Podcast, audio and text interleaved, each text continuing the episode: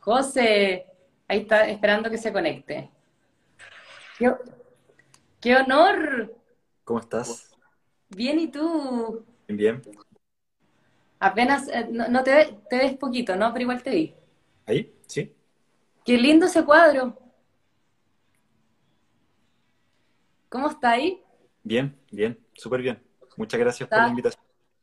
Gracias a ti por, por estar aquí. Estaba súper entusiasmada con, con hacer un live contigo, nerviosa también, Claro. porque que yo, bueno, yo había visto tu, vi tus live anteriores y me pasaba mucho lo que decía la Vero, que yo la primera vez que te conocí no entendía nada, como no entendía nada, pero encontraba que había una información que estaba muy interesante eh, y me pareció increíble, por lo menos la primera vez que, que tú hiciste una charla que yo fui a tu centro, cuando se podía ir a hacer, ir a tomar un café mientras tú conversabas eh, hablaste mucho de etimología y, y ahí me volaste la cabeza y yo dije, wow, ¿cómo sabe tanto? Qué bacán, qué, qué increíble. Y ahí me empecé, desde ahí en adelante fue como un proceso para mí de, de- de ver cómo yo, de escuchar en realidad, no ver, de escuchar cómo yo estaba hablando y wow, wow, wow. O sea, yo creo que a medida que fui, he tenido terapias contigo, he ido como viendo eso, pero ah, me, me- me pasa que en un principio tartamudeaba con amigas. Como que le decía, hola, ¿cómo estás? Y de repente cachaba que decía algo y decía, no, eh, eh, eh", y le decía, me acuerdo que a mi mejor amiga, perdón, que estoy aprendiendo a hablar de nuevo y me doy cuenta que muchas de las cosas que digo no son las que realmente quiero eh, decir. Así como, no sé, pues yo te decía lo que tú siempre decís, como quiero que me salga este trabajo y tú como no, pues, eh, que te salga no, que te, no, no sabría cómo decir lo que te entre, que te llegue Que participar o estar. que quiero, claro, que quiero participar. Entonces, nada, pues fue todo un mundo.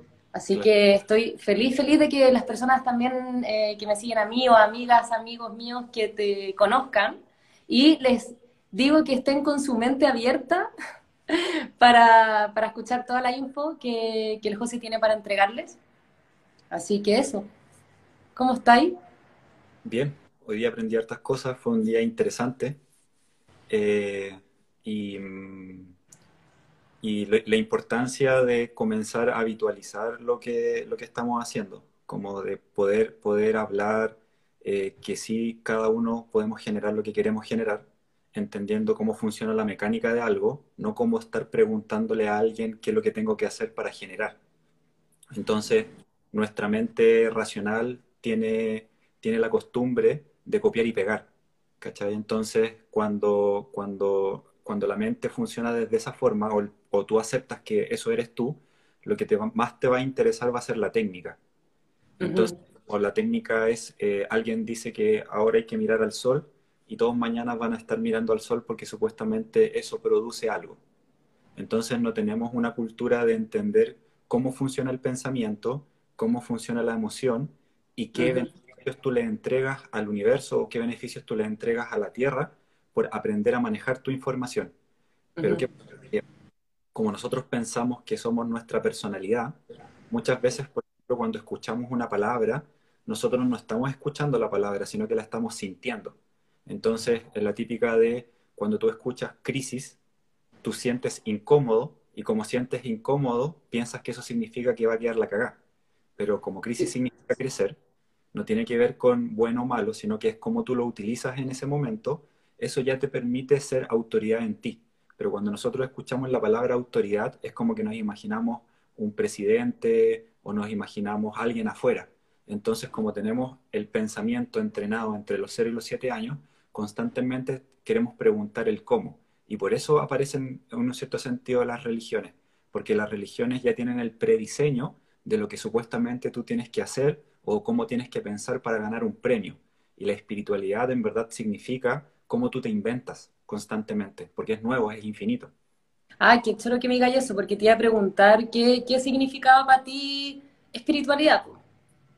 Claro, es la, es, es la habilidad de manejarte internamente, de aprender a manejar tu espíritu, porque espiritualidad viene de piri, que viene de pirotecnia, de pirámide, de encender. Ya. Entonces, el, el mito del infierno es que cuando tú te sientes inferior, ese es el mito del infierno, cuando supuestamente tú te estás desvalorizando, tú ahí te tienes que encender. Por eso hay muchas culturas que pintaron el infierno con fuego. No es que te vaya a quemar en algo, sino que ahí tú te tienes que encender porque tienes que cumplir tu palabra. Entonces, aprender a encenderte, que significa mantener tu propósito, cumplir tu palabra, es primero aprender a manejarte, saber cómo funciona el concepto de las energías positivas y negativas, que no tiene que ver con bueno o malo, sino que tiene que ver con costumbre eh, del cuerpo de saber manejarte por comodidad o por incomodidad. Y cuando comienzas a manejar esa, esa, esa encender, ese, ese, ese espíritu, comienzas tú a observar algo en el afuera que antes no veías, porque tú constantemente estás observando desde tus cinco sentidos, y tus cinco sentidos son un prediseño de lo que la sociedad supuestamente te dice que significa éxito, que significa ser bonito, que significa ser buena persona, que significa ser mala persona. Entonces, cuando tú estás mirando, tú no estás mirando en el ahora, tú estás mirando una imagen de lo que te contaron de algo, y cuando tú imaginas algo, eso maneja tu emoción. Y al manejar tu emoción, tú piensas que eso es lo que tú estás sintiendo porque es lo que está ocurriendo desde la afuera. Pero en verdad es un recuerdo del pasado porque la materia es em, tiempo cronológico. Es un tiempo que ya no existe, pero nosotros pensamos que sí existe, entonces constantemente le estamos preguntando al afuera cómo puedo hacer algo nuevo. Y como el afuera ya tiene... Espérate, espérate, que vais súper rápido. Espérame. Eh, ya, nosotros le preguntamos al afuera ¿A qué te referías eso con que le preguntamos a la afuera? Porque quizá hay muchas personas que también es primera vez que te escuchan. Imagínate que, que tú quieres hacer un viaje. ¿Ya? Y tu, y tu costumbre, y tu costumbre es preguntarle a la cantidad de, de dinero a la afuera ah, ya. puede hacer. ¿Dale? Porque nosotros, no, nosotros pensamos que, que existe una sola forma o sea que yo, yo quiero hacer un viaje y yo le pregunto a la cantidad de plata que tengo, al trabajo que tengo, a, mi familia, a mi... ¿Eso es preguntarle a la afuera? Claro, claro, porque tu, tu hemisferio izquierdo está entrenado para el pensamiento seguro, que es el cálculo en relación a la materia. Entonces eso te dice que se puede, que no se puede, es como te vas a comprar algo y si, aparece, si, si te dicen un número que en tu cultura interna significa muy caro, supuestamente tú no lo puedes hacer porque sientes una incomodidad. Claro. Y esa incomodidad, cuando tú estás en piloto automático, tú piensas que eso significa miedo. No, no piensas que significa que estás haciendo algo nuevo. ¿A qué llamáis piloto automático? O sea, yo lo sé, porque he estado en muchos talleres tuyos, entiendo que es como una reacción que no piensas que aprendiste. Claro, claro. Y esos son los... Eh, pero que no la estás eligiendo. Claro, es, son, es, es querer tener la razón constantemente, porque la razón es una ración, es un prediseño de algo. Entonces nosotros somos eh, reactores de la afuera. Entonces, por ejemplo, tú vas caminando por la calle y de repente alguien te dice que te ama, y si tú lo miras y te, y te es guapo, te vas a sentir bien. Pero si tú vas caminando por la calle y alguien te dice que te ¿cachai? Te vaya a sentir mal. Pero para el concepto del universo, esas dos cosas son piloto automático, porque dependiste de la afuera, no decidiste tú cómo te quieres. Entonces, el piloto automático lo que hace es que te lleva al automatismo de lo que aprendió entre los 0 y los 7 años. Oye, yo, bueno, está bacán que se me había olvidado que quería empezar, que hoy día tú pusiste, subiste una historia, eh, una frase de Humberto Maturana que me, me pareció súper linda como para empezar este momento. Eh, que dice, soy absolutamente responsable de lo que digo, pero total y felizmente irresponsable de lo que ustedes entiendan. Que es muy también lo que, lo que tú decís, porque, o sea, me imagino que cada uno entiende según el proceso en el que está, eh, o según lo que, no sé, quiere entender, o... lo que pasa es que tú puedes, mira, nosotros somos como muy ortodoxos de nosotros mismos, como que somos muy tradición de nosotros mismos. Entonces constantemente nos vamos contando lo mismo que cuando tú te cuando tú te presentas donde alguien, tú te presentas en relación a tu pasado, no te presentas en relación a quién quieres ser. ¿Cachai? Entonces, sí, pues nunca nadie te pregunta, oye, ¿a ti qué te gustaría hacer o cuáles son tus sueños? pero muchas veces cuando te presentas, te presentas en relación a lo que haces en la materia. ¿Cachai? Entonces, el, el tema de lo que tú... ¿Cómo lo que hago en la materia? Como... Eh, cantante, eh, supuestamente terapeuta, ¿cachai? Tú, tú, te nombras según lo que la afuera te dice que significa algo. Entonces tú necesitáis como esa, o necesitamos esa como chapita, como para presentarnos desde esa forma. Entonces cuando, cuando alguien te dice algo, ¿vale? Cuando alguien te dice algo y a ti te incomoda lo que dice, en verdad lo que está recordando tu cuerpo es una historia de un tipo de pasado, en donde se sintió incómodo y ese, y ese ahora le recordó esa información. Entonces lo más probable es que esa persona se parecía a tu mamá o a tu papá, entonces el, tu piloto automático está entrenado para que le moleste lo mismo que le molesta a tu mamá, lo mismo que a tu mamá, lo mismo que le interesa a tu papá porque necesita copiar familia. A nosotros no nos enseñaron a crear familia, nos enseñaron a imitar la tradición, como siéntete honrado a tus raíces, el pasado, el amor de madre. ¿A qué te referís con crear familia? Es como tú tendrías, por ejemplo, que para, para conectarte con la evolución de algo, tú tendrías que conocer a alguien y al conocer a alguien tú tendrías que formar una ley nueva. No imitar lo que te enseñaron que significa amor o no, porque si no tratas de... Bueno. Claro, tratas al otro de amoldarlo a un pasado. Entonces, como no se parece a lo que supuestamente a tu cuerpo le gusta, piensas que no es coherente con lo que tú quieres y aparece el piloto automático. Por eso la palabra relación viene de lo que tú relacionas. Wow. O sea, yo me acuerdo que una vez tú me dijiste que a mí como que me, me voló mucho la cabeza. No, voló la cabeza, quizá no está bien dicho. ¿O no? Ay, ahora contigo me fui con todo. Bueno, que me, me encantó que me dijiste eh, que, que, enamorarse de otra persona, o sea, como que cuando tú estás enamorado lo que deberías querer es que el otro cumpla todo lo que quiere. Claro, claro. Porque hay, hay niveles del concepto de amor. Ya. hay niveles del... Claro, y hay uno, uno de los niveles que tiene muy buena fama porque piensa, pensamos que eso significa espiritualidad, que es el dar por el recibir. Pero nosotros pensamos que el recibir tiene que ver con el recibir de la afuera, no con el recibir una virtud nueva, encender una virtud nueva. Entonces, cuando tú estás en el dar por el recibir, en verdad no te interesa el proceso, te interesa lo que vas a recibir. ¿Cachai? Y eso como, si, si tú recibes algo, por ejemplo, tú le regalas a alguien un, un regalo de 60 lucas y esa persona regala un Super 8, tú vas a decir, oh, me quiere, bueno, los Super 8 son buenos, pero eh, tú vas a decir, oye, pero en verdad yo que le di todo eso. Entonces, no te interesó la persona, sino que te interesó lo que vas a recibir. Entonces, cuando tú estás en ese recibir, es porque tú necesitas que esa persona se convierta en lo que te interesa a ti, no lo que le interesa a la persona. Wow, sí. Igual yo encuentro como que yo he, incorporado esta información. Ahora, es, difícil de, pronto cuando, no sé, pues me, pasa y siento eso que tú estás diciendo como, pucha, me dio un regalo de tanto, y yo que hice esto, pero después digo, no, no, no, ey, para, para, para, eh, ya, como que, ¿qué importa? Lo importante es lo que yo estoy entregando y todo. Pero igual paso por eso de, eh, paso por como, como ese, ese animal que uno lleva dentro y como que igual lo controlo, pero no sé si eso igual significa un avance, o sea, me imagino que sí. Sí, pero ahora tendrías que agregarle un propósito a tu vida. Porque cuando, cuando tú le agregas un propósito, o sea, en quién te quieres convertir nueva, por ejemplo, imagínate que quieres agregar un propósito de confiar en ti. ¿Dale? O, ya, o de amor propio. Eh, claro, o amor propio, pero es un propósito en donde ese propósito lo que va a hacer es que le va a agregar valor a todos, no únicamente a ti como persona. ¿Cachai? Entonces, entonces lo que hace eso cuando tú tienes un propósito, entiendes que la, las emociones o los sentimientos que tú sientes se utilizan.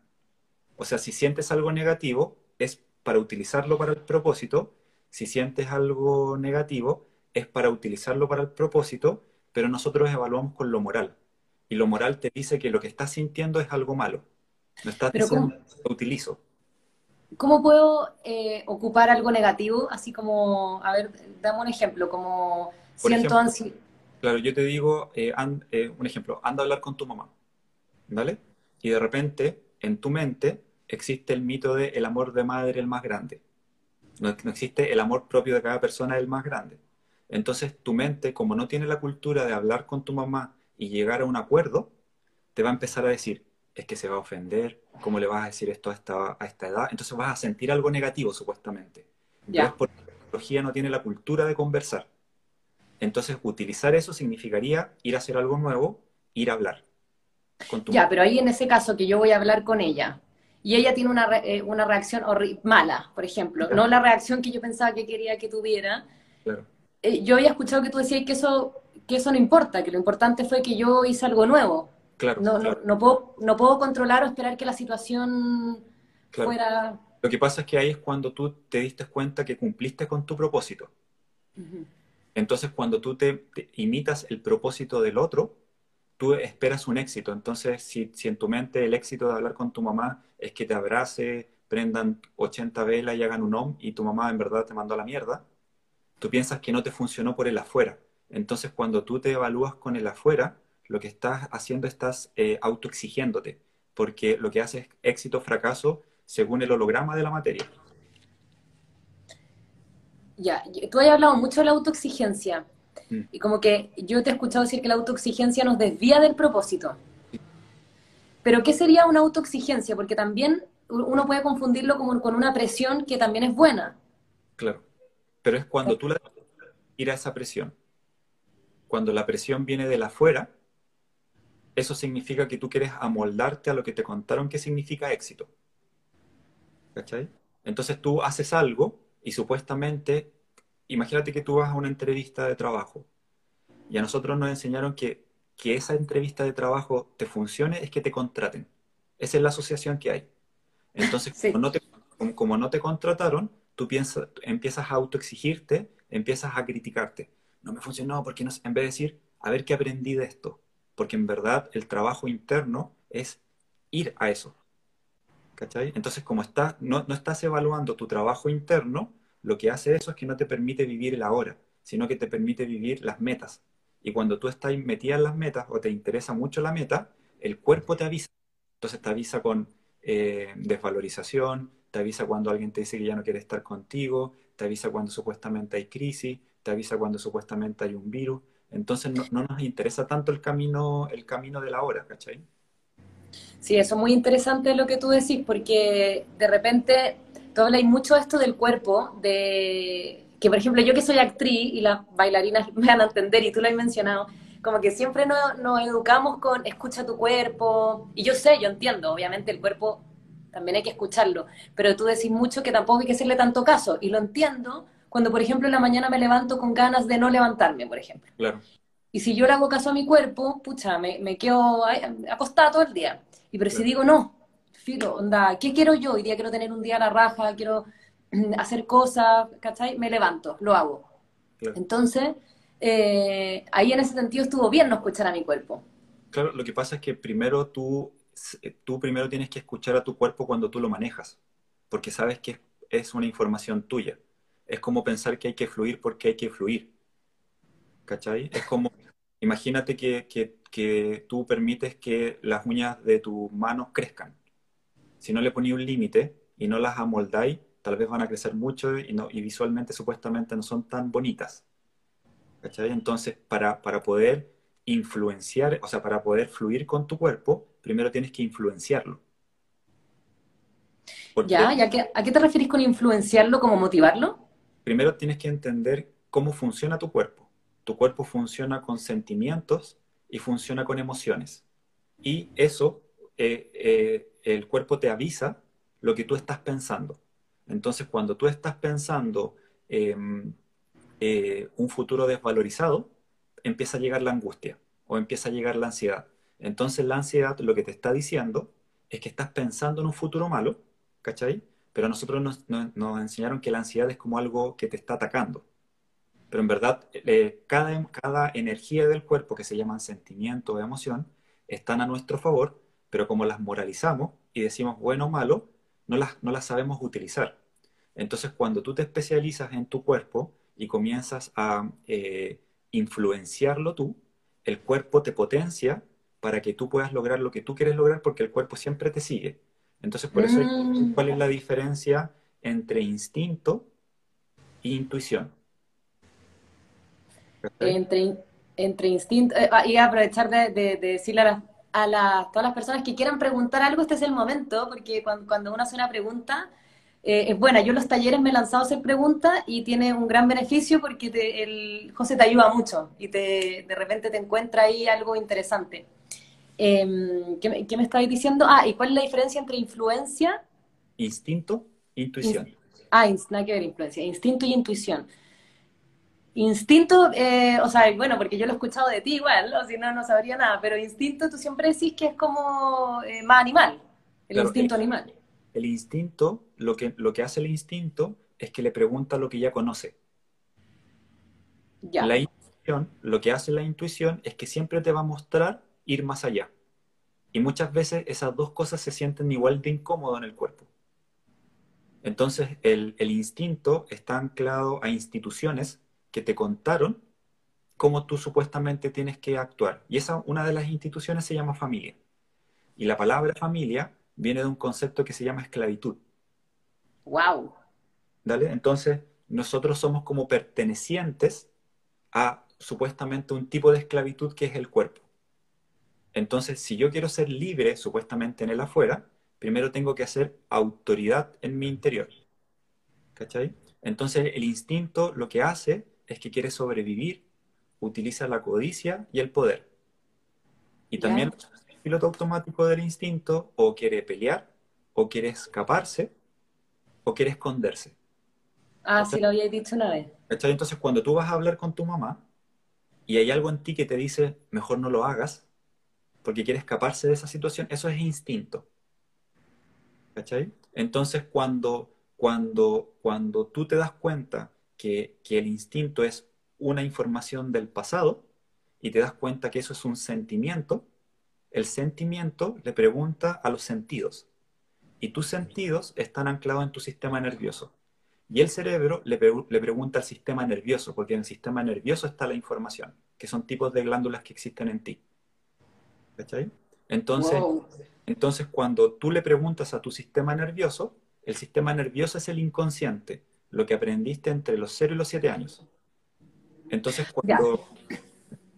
perdón, que te iba a preguntar, que, que hay- eh, ahora que hablaste del inconsciente, eh, que el otro día mencionaba ahí algo del inconsciente, como cuando uno dice, no, es que lo hice inconsciente. Claro, pero es Eh, una vieja técnica para justificar.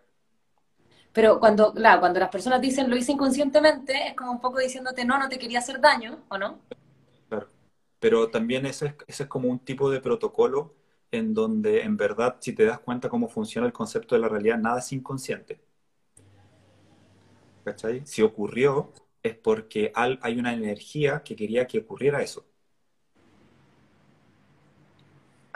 Me siento como todas las que hacen live contigo, como que de repente están así como, oh, ay, como que los talleres son más fáciles, uno hace una pregunta y se calla, no. Eh, a ver qué dicen aquí, todo está en el, eh, todo está en el cerebro, hipocampo, corteza cerebral, corteza, lóbulos frontales. Bueno, no, o sea, somos, somos, o sea, sí, no sé qué dice el José, pero somos cerebro, somos muchas cosas. Lo que pasa es que el tálamo, el tálamo es un, es un, es como un guardián que en verdad te muestra lo que tú ya conoces, pero el tálamo en verdad lo que le pregunta es a la amígdala del cerebro, y donde está la amígdala del cerebro es donde van los miedos, ¿cachai? Y los miedos es hasta, hasta qué límite tú haces algo. Entonces, el cerebro tiene todo eso que dice esa persona, pero tiene la información de lo que aprendió. Claro, ese es el punto. Si no, no Sí, tiene, no tiene que ver con que el cerebro eh, está todo en el cerebro, sino eh, la cuestión es desde, desde dónde aprendió el cerebro a pensar. Y nosotros creemos que nosotros pensamos, pero en verdad nosotros estamos esperando recibir pensamientos. ¿Cachai? Somos como recibidores de pensamientos. ¿ya? ¿Por qué somos recibidores de pensamiento? Porque no estamos creando, Eh, porque por claro, ejemplo, por ejemplo, si yo ahora te levanto el dedo al medio, va a aparecer un pensamiento que te dice que eso es una ofensa.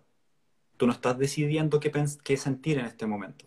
Entonces tu cerebro le pregunta en, mi- en milisegundos qué pasa con cierto tipo de cosas en, en relación a la biología y la biología actúa. Entonces, como dice Ángeles, es, el cerebro es un tipo de información biológico, pero el cerebro no tiene que ver con la mente, ¿cachai? Entonces, nosotros como que estamos acostumbrados a constantemente a, em, a estudiar la personalidad, la personalidad de lo que supuestamente nosotros creemos que somos nosotros. Entonces, cuando alguien quiere ser algo nuevo, lo que tú ya crees que eres, te da constantemente, te va a dar los resultados de lo que tú ya eres, de lo que tú ya conoces. ¿Cachai? Claro, como que si queréis ser alguien nuevo, tenéis que hacer cosas nuevas. Ahora, pero eh, no solo hacer cosas nuevas, sino pensar, sentir y hablar cosas nuevas. Claro, pero para eso tienes que entender la mecánica de cómo funciona tu interior en el cuerpo primero. ¿Ya? ¿Y cómo, y cómo, cómo, cómo hago ese primer paso? Primero, lo, interesante sería eh, revisar quién quieres ser. ¿Dale? ¿Ya? Entonces, cuando tú dices quién quieres ser, por ejemplo, quieres anclar eh, la confianza o la tranquilidad, te vas dando cuenta eh, que tú te estás direccionando algo, pero tu cuerpo lo que va a hacer es que va a empezar a reaccionar por lo que conoce en relación a su biología, por temas de, información. ¿vale? Entonces, cuando ocurre una situación y tú sientes esa adrenalina que está en el cuerpo, porque la situación supuestamente te dice que no tiene que haber funcionado desde esa forma, ¿dale? Tú dices, a ver, ya, esto no soy yo. Entonces, como esto no soy yo, lo que yo en verdad estoy sintiendo o lo que supuestamente estoy pensando o lo que estoy viendo, no es una decisión de lo que yo quiero hacer, ¿cachai? Sino que es algo que me dice en mi interior que eso se piensa así, eso se siente de esa forma, entonces tú te frenas y comienzas a entender que en tu interior, en la forma como ocurre el pensamiento, hay dos tipos de tiempo. Está el, tiempo circular y está el tiempo lineal. Nosotros estamos acostumbrados a pensar el tiempo en relación al tiempo cronológico. Entonces, supuestamente, a nosotros nos enseñaron que el cuerpo cambia todas sus células cada siete años. O cada diez años. Pero también nos enseñaron que supuestamente hay enfermedades que duran por vida, que se llama una enfermedad crónica que está anclado al tiempo cronológico. Entonces, cuando nosotros no entendemos cómo funciona el tiempo en nuestro interior, el, cuerpo o el pensamiento lo que hace, le pregunta al sistema nervioso cómo hay que reaccionar. Entonces tú reaccionas porque el cuerpo recordó cómo se reaccionaba en tu familia. Porque tú puedes ir a una cultura distinta y le, dices como, eh, hay alguien que está feliz y tú le preguntas, oye, ¿y por qué estás tan feliz? y él te dice, lo que pasa es que estoy angustiado.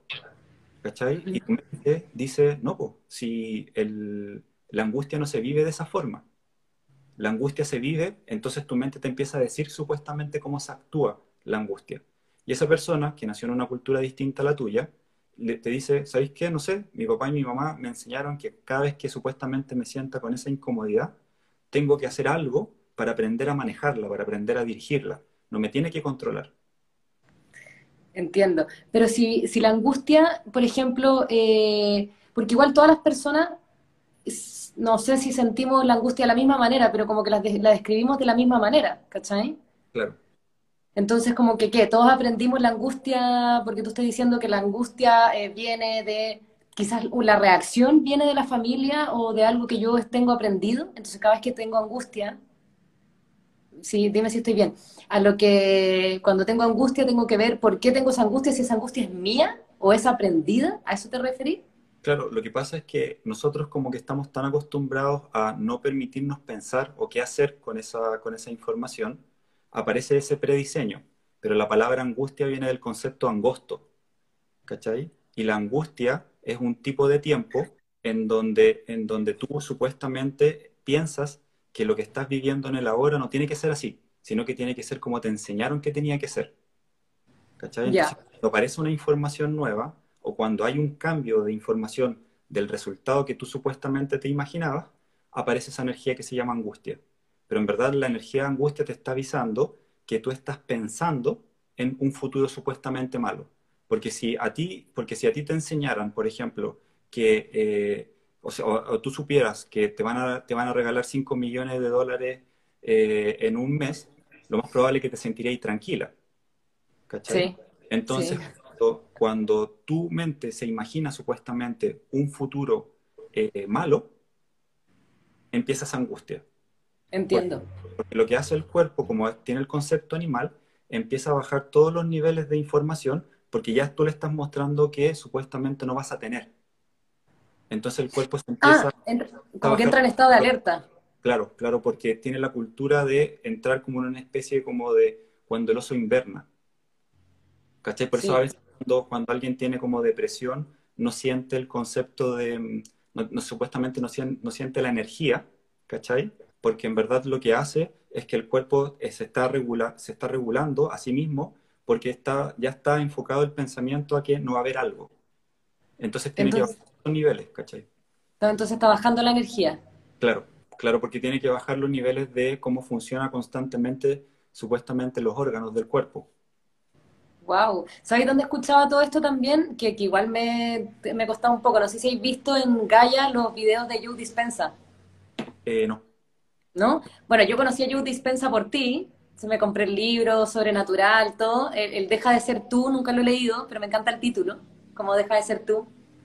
Eh, y él también hablaba de eso, que como que de repente, como que cuando nos daba rabia, angustia, ansiedad, el cuerpo se ponía como eh, como primitivamente, como si lo estuviera, eh, se estuviera arrancando de un dinosaurio, ¿cachai? Claro, claro. porque entra en, un estado de alerta, el estrés es un estado de me van a quitar el territorio.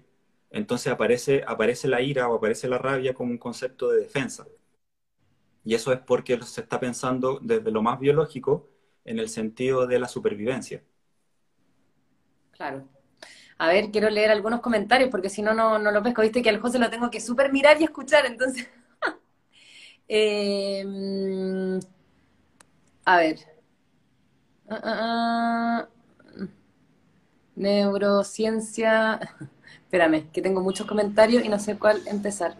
Pero también hay una cultura, sociedad que ha ido estableciendo códigos durante el tiempo y que significan cosas más allá de nuestra decisión.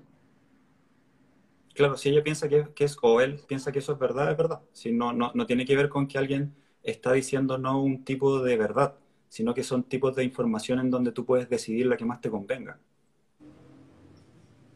Claro, o sea, aquí lo que está diciendo la ITA es que también la sociedad como que, eh, bueno, nos pone cosas y nosotros como que, es como que, sí, en realidad siempre tenemos la capacidad de decidir, eso es lo que tú siempre decís. Claro, claro, porque lo que estamos hablando ahora es una, una opción, ¿cachai? Y esa opción... Perdón, que no, que yo me imagino que se refiere que, por ejemplo, ahora estamos en pandemia y estamos en toque de queda. Y igual tú tenés que estar en tu casa y yo tengo que estar en la mía. Y, y acá es como, bueno, dentro de las posibilidades que tenemos, eh, decidamos de la mejor manera quién queremos ser o qué queremos hacer, ¿cachai? Pero igual hay un encierro, por decirlo. Claro, entonces hay que aprender a utilizarlo, ¿cachai? Es como ¿qué te gustaría a ti agregarle a ese consciente colectivo que está viviendo ese tipo de información? Pero ya iba a depender de eh, lo que tú supuestamente decidas que eres tú, vas a defender tu opinión, porque cuando defiendes tu opinión no sé qué, y va a empezar todo un tema y te sientes incómodo y empieza todo un tipo de, ¿cachai?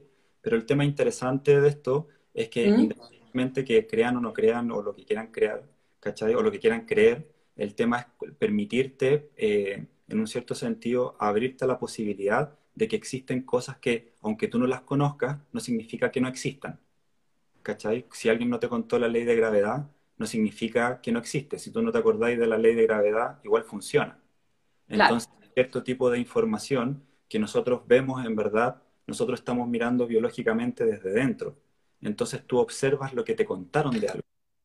Entonces, ¿qué tan interesante sería que tú eh, investigues una nueva información, pero para nuestro cerebro izquierdo el que tiene la verdad son ciertos tipos como de cánones, como de alguien que aparezca con una bata blanca o que aparezca en un libro, si no aparece claro.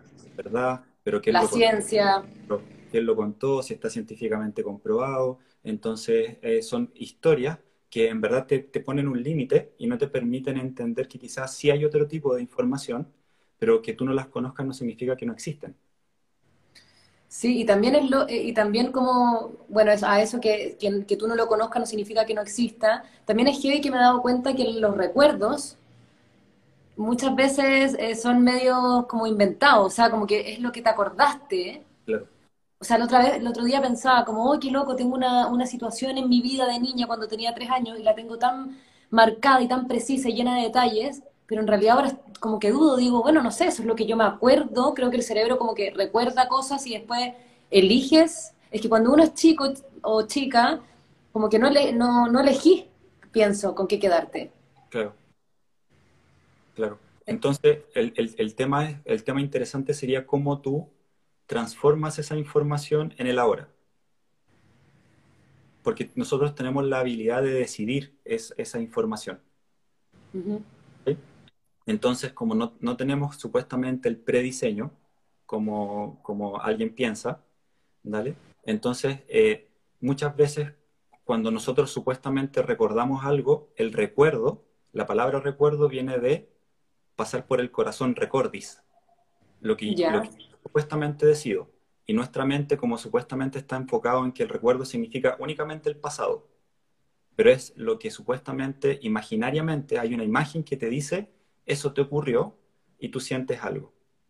Entonces, el ahora, en este momento, en el ahora, te permite cambiar esa historia. Por eso la palabra destino significa los pasos dados. Y por eso también decimos constantemente que em, eh, juntémonos pasado mañana, ¿cachai? Y empieza todo un, todo un tema.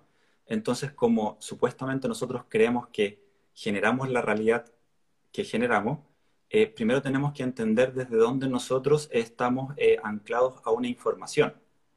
¿Cachai? Entonces, si, alguien piensa que recuerdo significa lo que él cree que significa el hipocampo, está, está muy bien. Si no, tiene, no, no está diciendo que no. El tema es cómo yo decido ahora lo que quiero que signifique para mí. Entonces, por algo la palabra está creada desde ese punto de vista. La palabra está creada, ¿cachai? Tiene una etimología y es una tecnología. No es lo que yo creo que significa. Entonces, mm. por eso esta palabra está creada y es para nosotros generar y, crear una función. Pero si tú, quieres, si tú quieres pensar que recuerdo significa lo que tú quieras hacerlo, obvio, hazlo. ¿Cachai? Si el tema interesante es que si, genera la vida que a ti te gusta, aplícalo. ¿Cachai? nosotros desde donde lo estamos hablando es de la aplicación. ¿Cachai? No desde, no desde la idea de que puedes, es desde donde tú estás aplicando concretamente. Obvio. Si ahí estaba alguien como comentando constantemente, igual pensaba que loco, como que te debe pasar mucho, porque igual hay una resistencia a entender todas estas cosas, eh, y, como lo que tú siempre decís, como querer tener la razón y como no querer impregnarte de algo nuevo y ver si te sirve y te funciona. Y, como que yo siempre pienso, el José se, le den decir unas cosas de repente o no. o sea, lo que pasa es que hay de todo, pero también hay que respetar en un cierto sentido. Alguien quiere pensar eso y si me incomoda, me hago cargo de esa incomodidad y yo la, resuelvo en mí, ¿cachai? No, no, voy a responsabilizar a alguien por lo que me está ocurriendo. Pero lo, interesante en esto es permitirnos sembrar algo en donde em, eh, no tiene que ver con algo como una ideología, sino que es como nosotros constantemente nos estamos inventando, ¿cachai? Y, tenemos tan, tanto la costumbre de querer preguntarle a alguien, entonces estamos tanto con el copiar y pegar, que no nos permite experimentar en nosotros de cómo yo quiero que sea mi recuerdo, ¿cachai?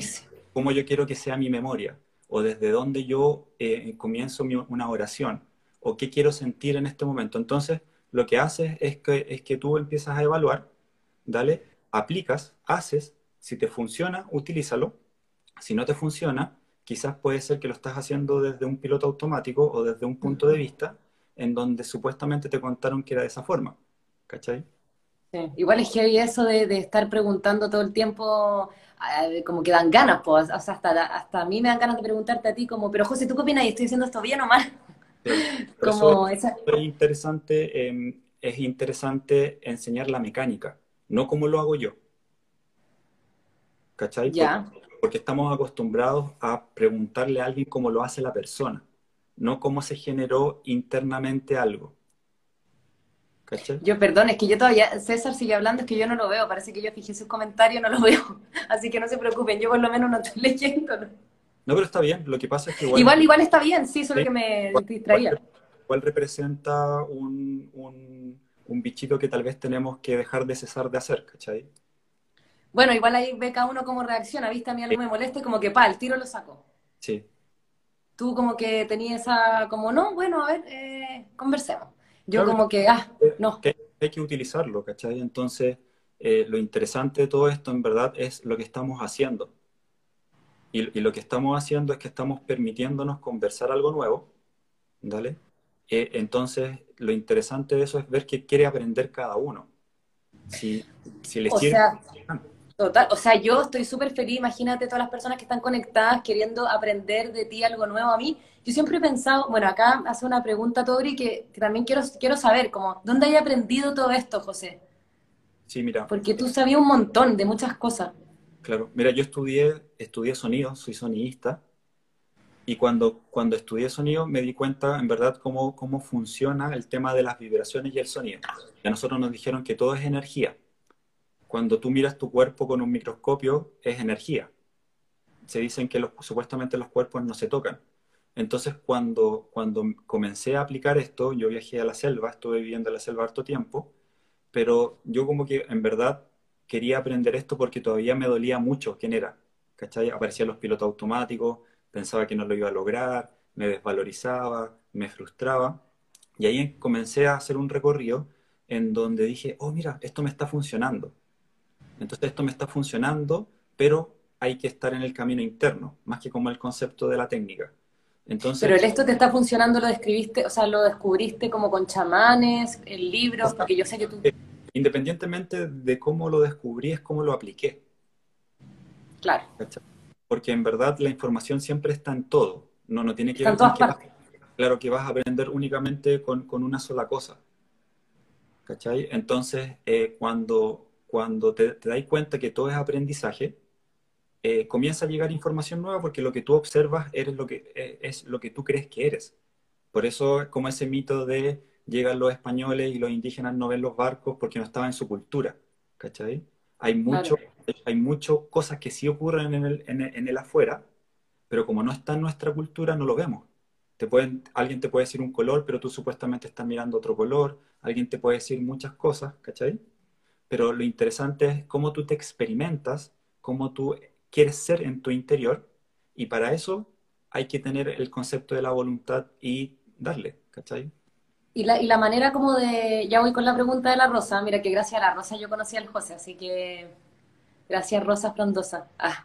Em, eh, cuando, cuando tú, uno se da cuenta que, que está cambiando, o sea, a ver, ya, yo me he dado cuenta que he ido cambiando bueno, porque me lo han dicho, uno, que, que, que muy divertido, porque tú decías, cuando alguien te diga, estáis cambiando, alégrate. Y antes era como, no sé, la típica, como, hoy que estáis cambiando, ah, sí, ¿por qué? Antes como era. como, en vez de ponerte feliz, eh, como que decís, ¿por qué? Antes era pesada, y ahora soy simpática. Eh, eh, eso, pero también me he dado cuenta que he ido cambiando, no, no sé si lo veo como, es, loco, porque a veces me lo cuestiono, como estoy realmente cambiando, me están pasando otras cosas, porque donde más lo siento es interiormente. Claro, claro. Entonces, pero, pero yo creo que cuando hay un momento en que empieza realmente a funcionar, empiezas tú a funcionar interiormente, eso se empieza a reflejar en la materia. O sea, lo que pasa es que la materia es un holograma. Por eso, como está ese, ese ejemplo de, eh, de miráis las estrellas, o sea, supuestamente estás observando las estrellas, ¿dale? Y te contaron que esas estrellas desaparecieron hace mucho tiempo, pero, pero las estás mirando. Lo que tú sientes con, tu piel, por ejemplo, ahora no sé, hay 20 grados, si viene alguien que ha vivido en la Antártida por un tiempo, piensa que es calor, pero si viene alguien que supuestamente viene del Caribe, tal vez puede pensar que es frío. Entonces, los sentidos están anclados a una cultura de percepción y nosotros supuestamente observamos según la percepción esos cinco sentidos. Entonces, Mi hermano me decía el frío psicológico. Claro, claro, pero, pero, el, pero el, tema, el tema es que si, si tú tienes frío y quieres sentir calor, tendría que decirte el calor es psicológico.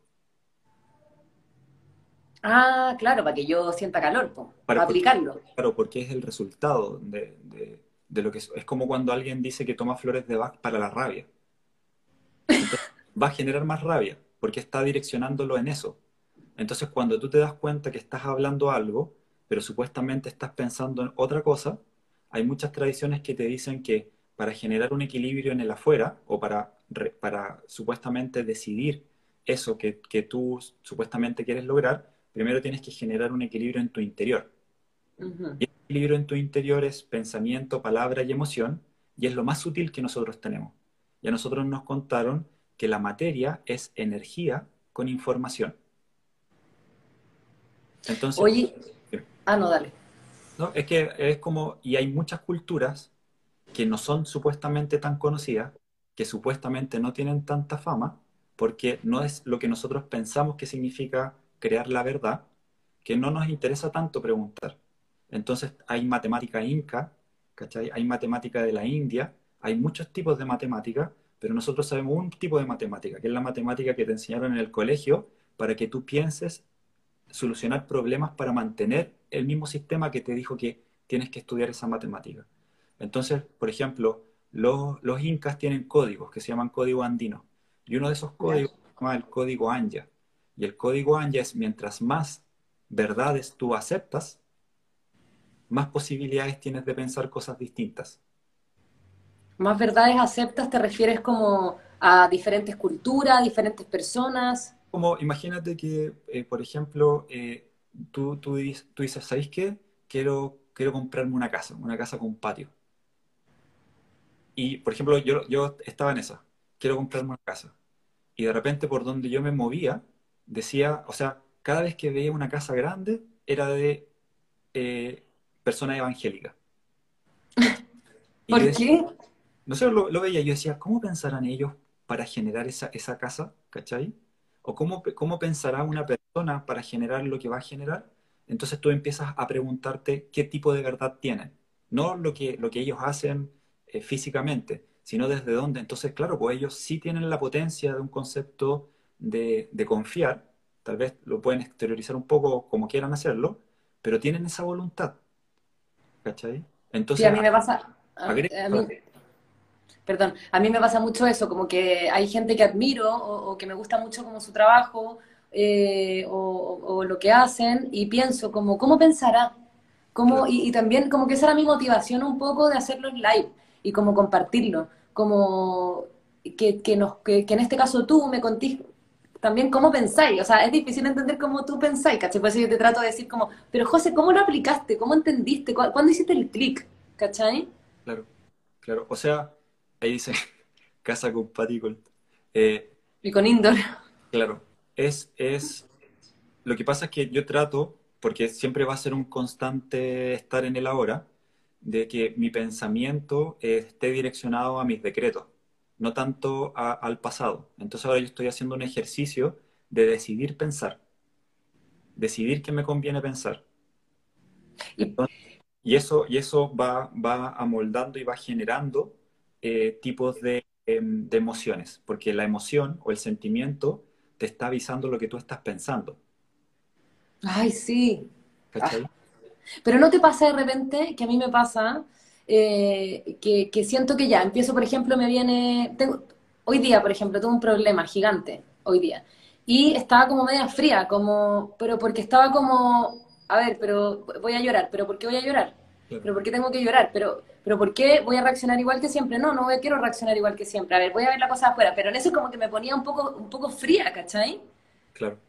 Eh, pero fría, pero no malo, porque también más, más calmada. Y un poco como que estaba acostumbrada que cada vez que tengo un problema, eh, grito, reacción, lloro. Y ahora como que no hice eso, eh, como que me calmé, me respiré y como que fui un poco más práctica. Y, pero igual decía, qué loco, porque, no sé, pues, como que yo siempre soy más intensa, entonces no sé si, si por ahí me estoy yendo como demasiado al otro extremo o si está bien también experimentar eso. Lo que pasa es que la tristeza tiene mala fama. Y si existe, es porque se utiliza. La tristeza, en un cierto sentido, como que te avisa que hay un desapego de algo. Un desapego. Claro, entonces cuando tú tienes un propósito y aparece la tristeza, tú dices, ah, hay que utilizarla. ¿Y cómo se utiliza la tristeza? Ahora lo utilizaste como de decir, ya, voy a llorar, tal vez hay que limpiar algo, pero ya comienzo a entregarle una dirección. No es, no es una rigidez de querer controlar todo ni nada de eso, sino que también es permitirte darte cuenta que tienes tu propósito. Entonces yo hoy día me desvaloricé, me, estoy desvalorizando, yo digo tal vez parte del propósito y voy a, voy a manejarlo y voy a comenzar a hablarme, ¿cachai? Me hablo. Y digo, ya, dale, dale, ¿qué pasa? Cuéntame qué está ocurriendo. Me Te a ti mismo. Claro, claro. Ah, igual me hablo a mí misma. Mira, hace, hace un rato la Rosa había preguntado como que hablarais de la humildad. Yo, yo había escuchado en otro live que había hablado harto de la humildad igual. no sé a qué, a, qué específicamente se refiere. Yo, yo escuché que el José hablaba de que una persona humilde es una persona que cumple su palabra. Claro, Lo que pasa es que, eh, mira, en, donde yo aprendí la humildad, que tiene que ver con el concepto de la cábala, la humildad la utilizan para entender y cumplir tu palabra. Tú puedes pensar que la humildad puede significar lo que tú quieras. Por eso es súper interesante que tú decidas. ¿Cachai? Entonces, claro, porque la humildad para todo el mundo puede ser muy típico, como esa persona que humilde que y como que es alguien que, que quizá, no sé, no dice lo bacán que es, como que, ay, no sé, hay un concepto de humildad como... Claro, entonces eh, la humildad, en, como, como lo enseñan... Como de pasar piola. Claro, lo enseñan en, en la cábala que mucha gente piensa que es como judaísmo, pero sino que es un tipo de tecnología. Ellos dicen que cuando tú estás en el momento de creo que no lo voy a lograr, ¿cachai? Creo que no lo puedo hacer, ahí es cuando se activa la humildad y tú dices, esto lo estoy haciendo por todos, no lo estoy haciendo únicamente por mí. Y ahí genero fuerza.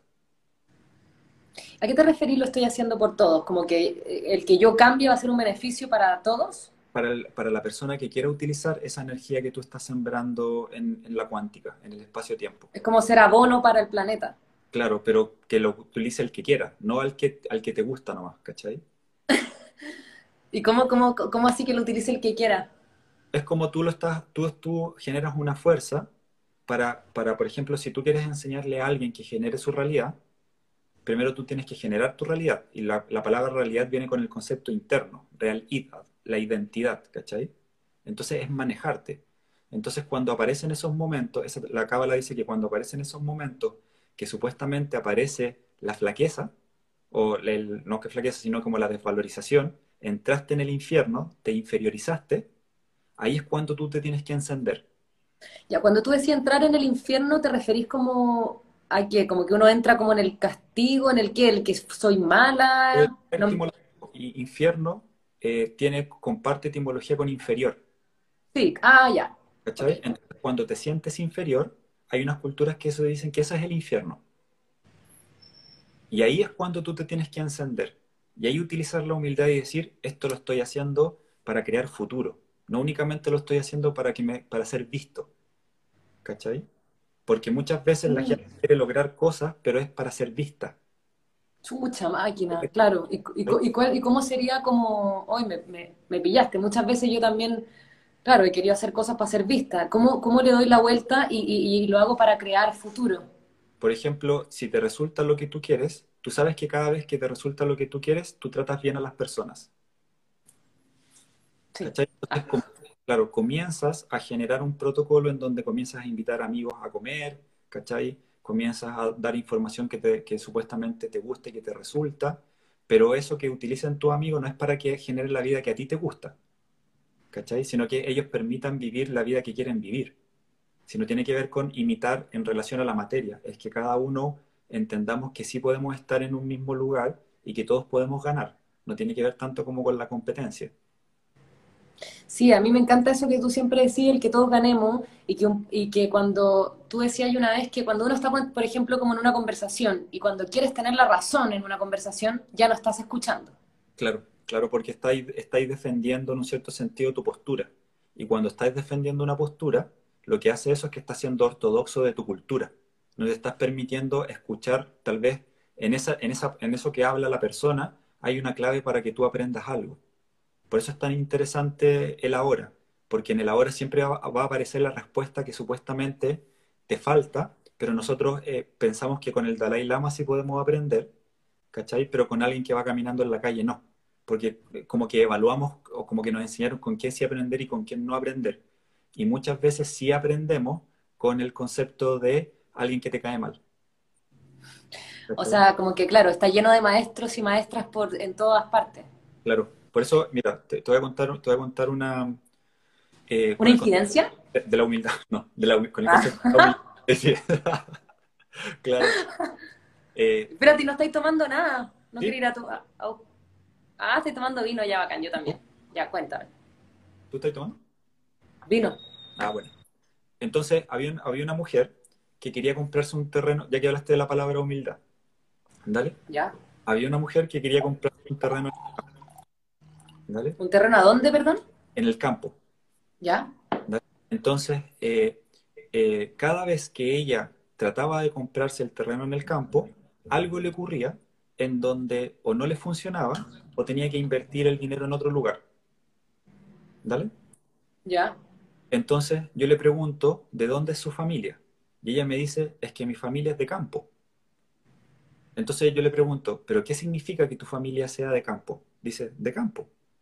¿Pero qué significa que sea de campo? Y ella dice, pobre. Ah, Entonces la asociación interna que ella tiene del concepto campo, como supuestamente pobreza, cuando ella quiere comprar el campo, se activa. Ah, claro. ¿Cachai? Por eso es súper importante, y esto lo aprendí hace como tres días, aprender a actualizar. Porque si Como resetearte, como que no, no puede significar la palabra lo mismo siempre. actualizar. Lo que tú, o sea, en verdad lo que nosotros tendríamos que hacer es decidir qué significa cada cosa. Porque si yo te, di- si yo te digo la palabra alegría, ya en ti aparecen imágenes de lo que supuestamente significa alegría. Entonces ya tienes ese prediseño. Entonces cuando tú decides lo que supuestamente significa para ti esa palabra en la actualidad, eso genera un plus, porque ya sabes qué es lo que tú quieres. Mira, yo eso lo entiendo, pero también entiendo que hay una manera como de, de que también todos nos relacionemos. Por algo la alegría es la alegría, la pena es la pena, pero cuando lo entendí mejor fue cuando tú una vez explicaste que, por ejemplo, para ti, no sé si todavía lo sigue siendo, pero tú una vez dijiste que para ti cuando sentí rabia eh, era porque quería, necesitabas cambiar. Claro, Como que tú asociaste la rabia a un cambio. claro. Entonces cuando... ahora lo utilizo porque eh, la, la palabra ira viene del concepto héroe. ¿Cachai? Entonces, cuando, cuando a ti te da rabia a alguien, es porque en verdad pensáis lo mismo. Por eso es el roce. ¿Cachai? Entonces, cuando, cuando aparece la ira, y yo digo, ya, quiero, quiero supuestamente querer tener la razón.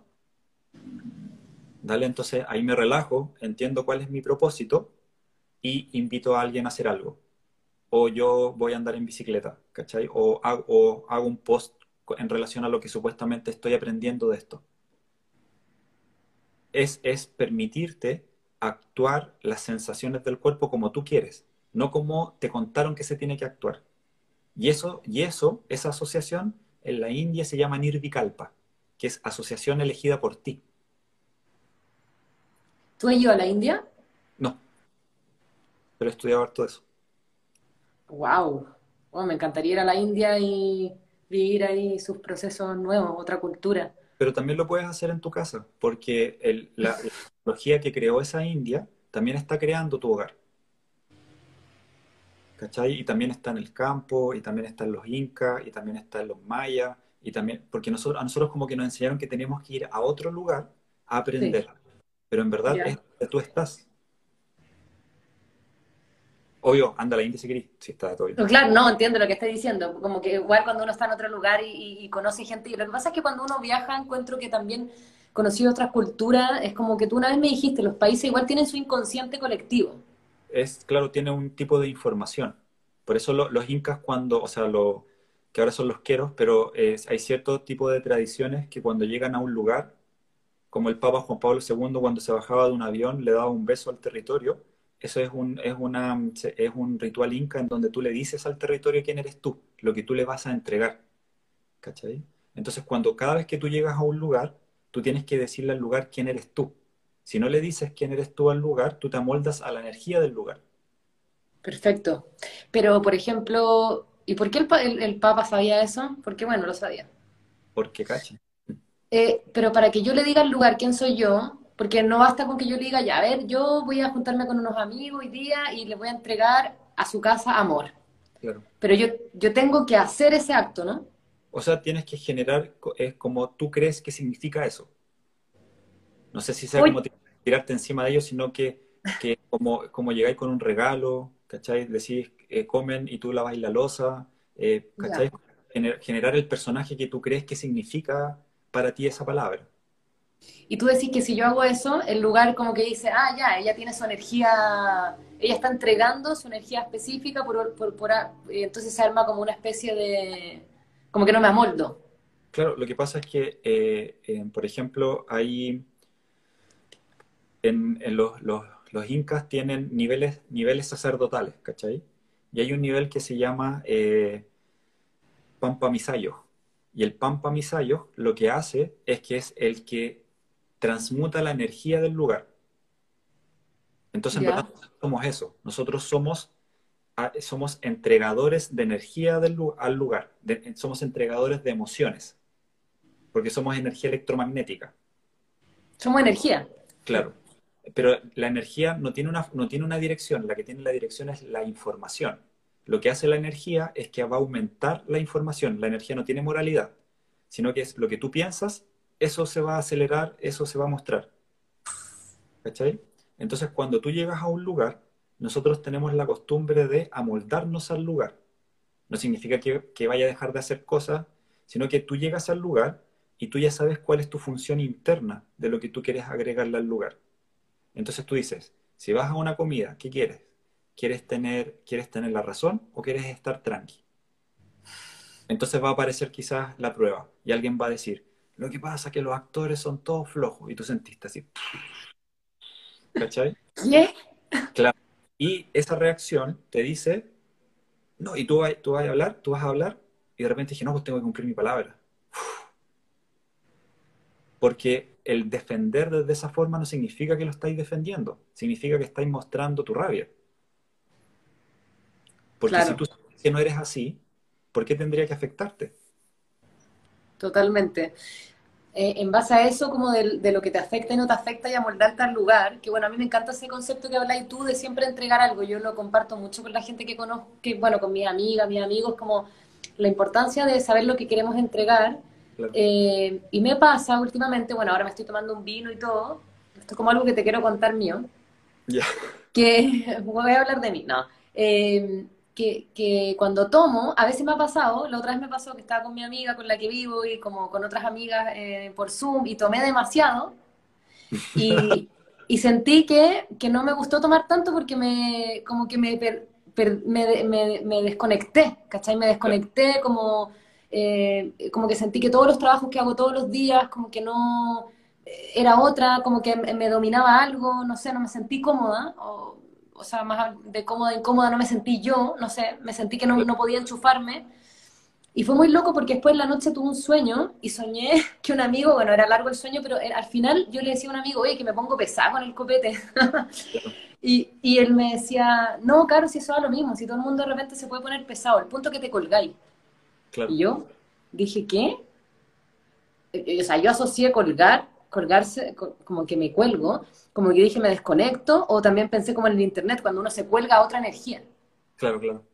¿Cachai? Entonces como que me pierdo, porque es lo que estabas hablando tú, como que me amoldo al inconsciente colectivo, que más encima estamos todas borrachas, no sé, o, y entonces me pierdo como mi esencia, mi energía, como que se me va lo que quiero entregar.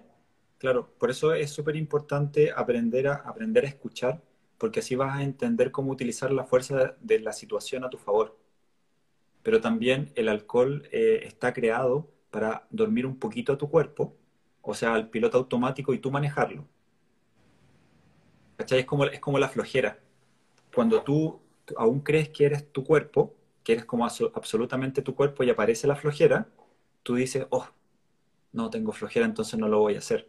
Pero en verdad la flojera, hay ciertas tradiciones que dicen que la flojera es porque se durmió tu cuerpo.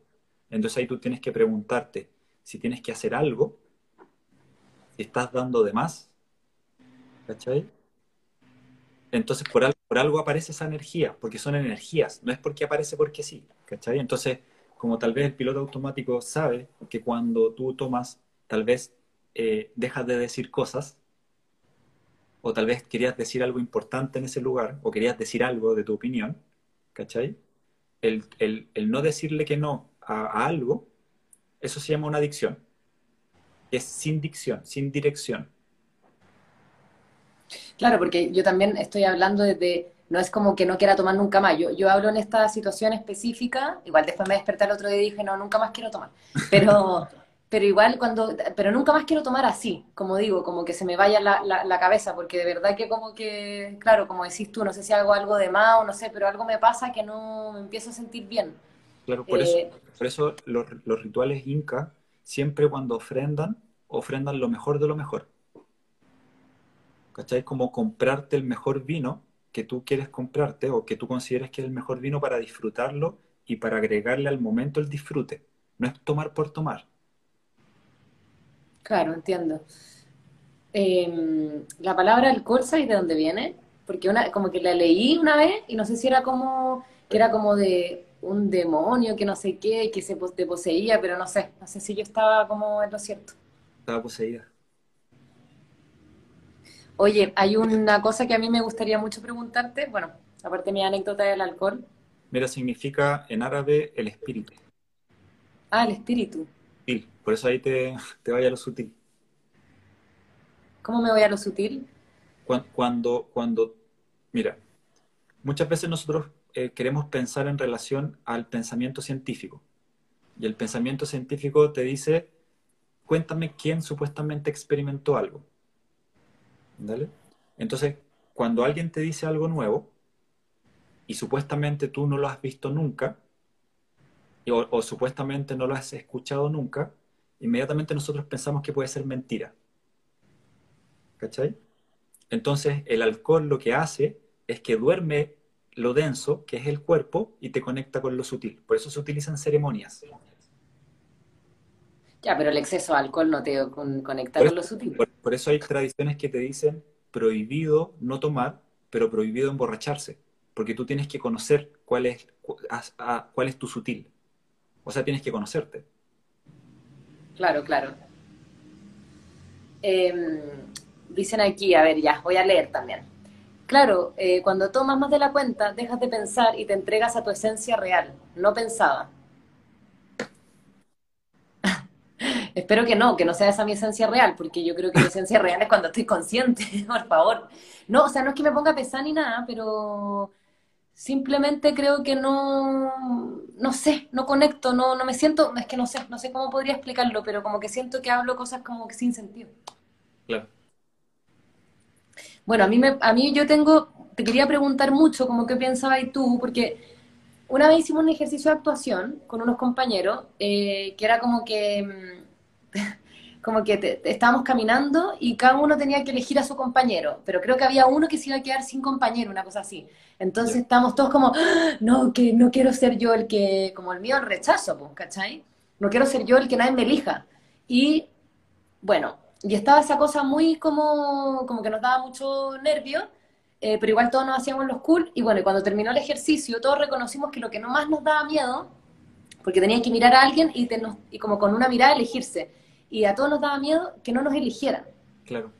Eh, yo sentí que era como miedo al rechazo y como que dije, hoy, ¿por qué? Como que para mí el miedo al rechazo es como una de las cosas más, eh, quizás como fuertes o, intensas como para los seres humanos, o sea, para todos nosotros, como, ¿por qué será tan así? ¿Qué historia hay detrás de eso? Lo que pasa es que tal vez no, no tenga que ver tanto con el concepto del rechazo, sino que tenga que ver con el asumir cómo tú te sientes contigo misma.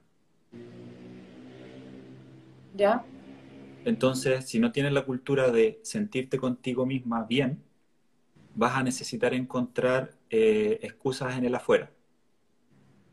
¿Cachai?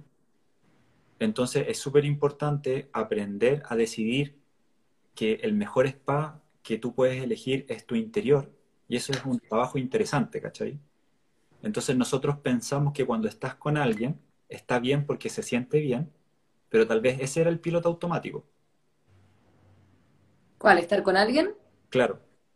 Porque si tú estás con alguien y te sientes bien y estás sin alguien y te sientes mal, quiere decir que cuando estás con alguien no es que tú decides sentirte bien, es que dependes del, otro.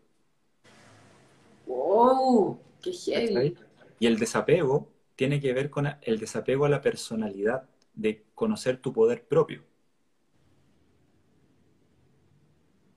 Entonces, la personalidad del ego, en verdad, está acostumbrado a la manada, al, defender la comida para darle a la manada, ¿cachai?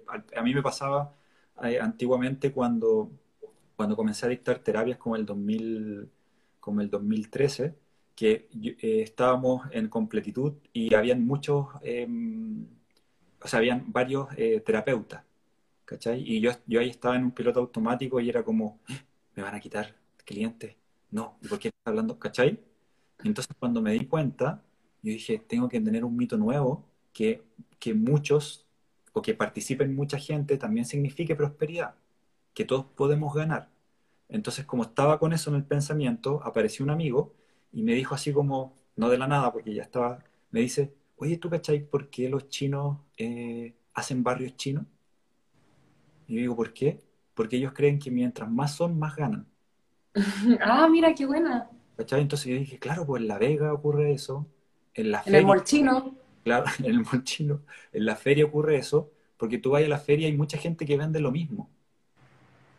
Oye, tenés razón, como que el concepto de los chinos es como mientras más, más bacán, es como un win-win. Claro, claro. Es como, es, un, es como que eligieron algo que les conve súper convenía. Claro, entonces por eso es súper importante elegir el mito que más te convenga para lo que tú quieres hacer. Y hasta pu- ah, Ya. le- lo interesante sería que tú inventes tu mito propio. O sea, tú inventes una vida nueva. Por eso lo- los incas tienen ese nivel, el nivel que se llama Inti.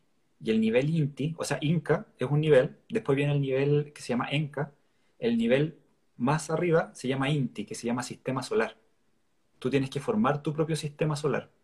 Por eso ellos pasan de nivel y se transforman en un Apu, en un cerro.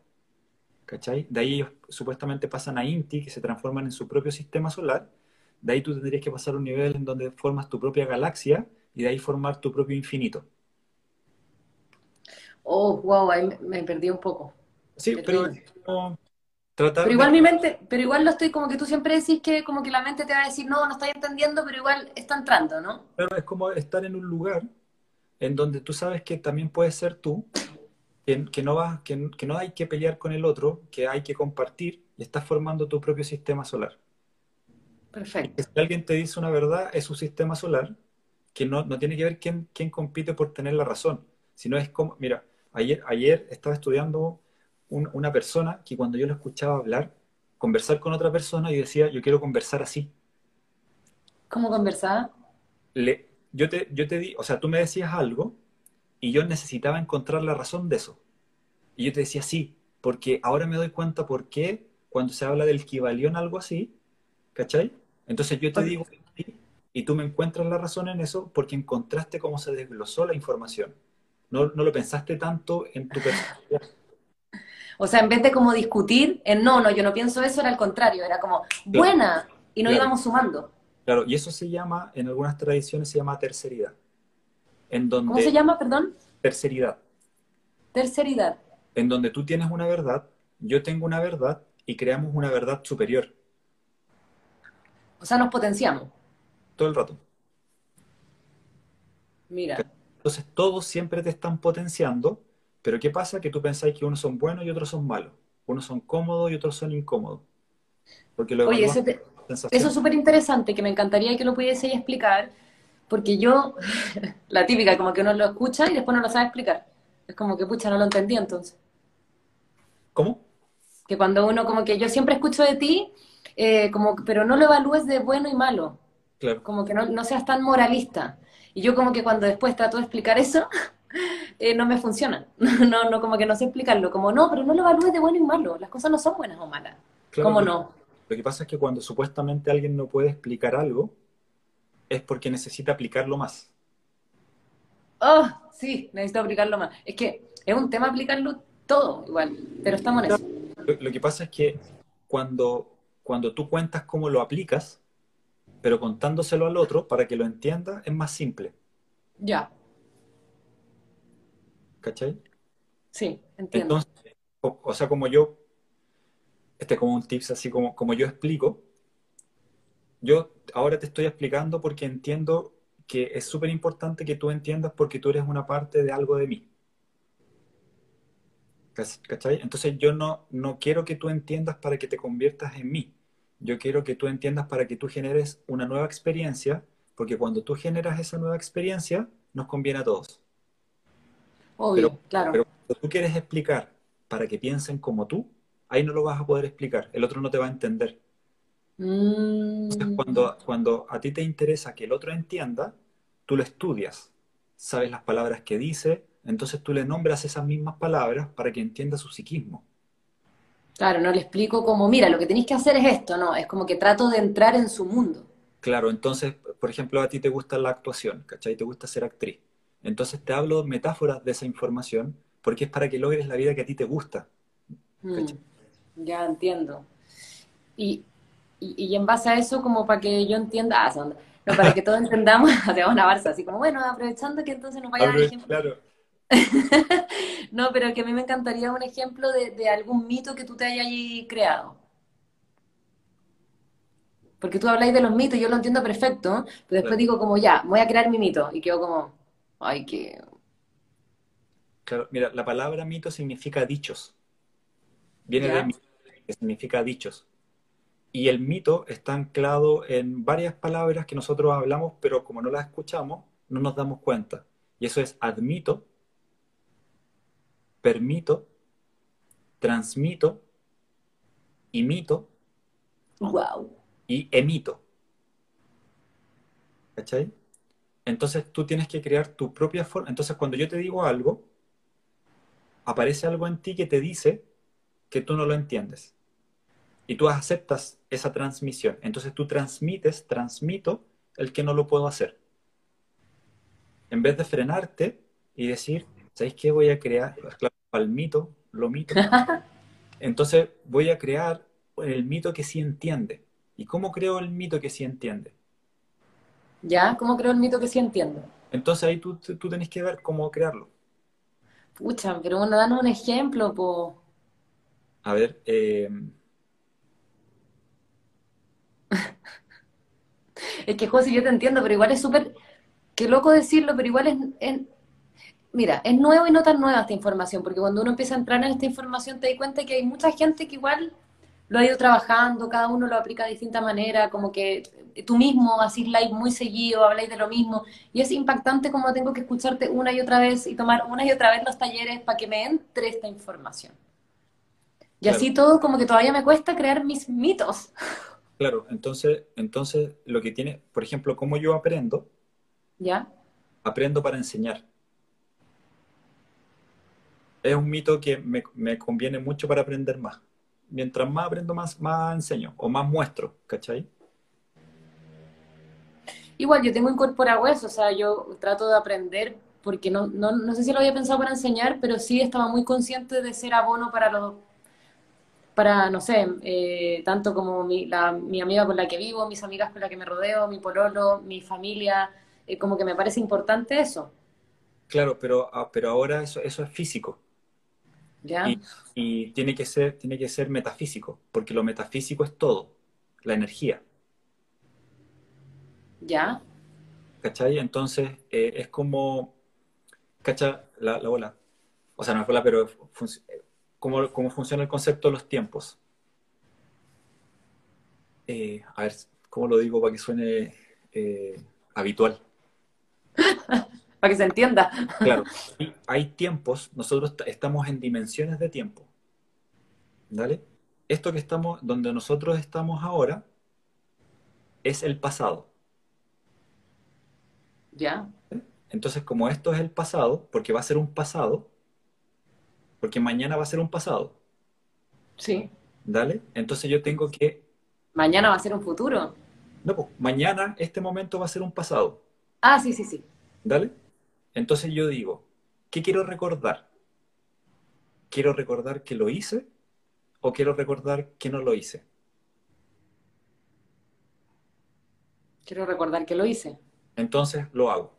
Me quiero comprar algo y lo compro. Ah vine del futuro a hablarle a este pasado que sí lo puedo lograr. Mm.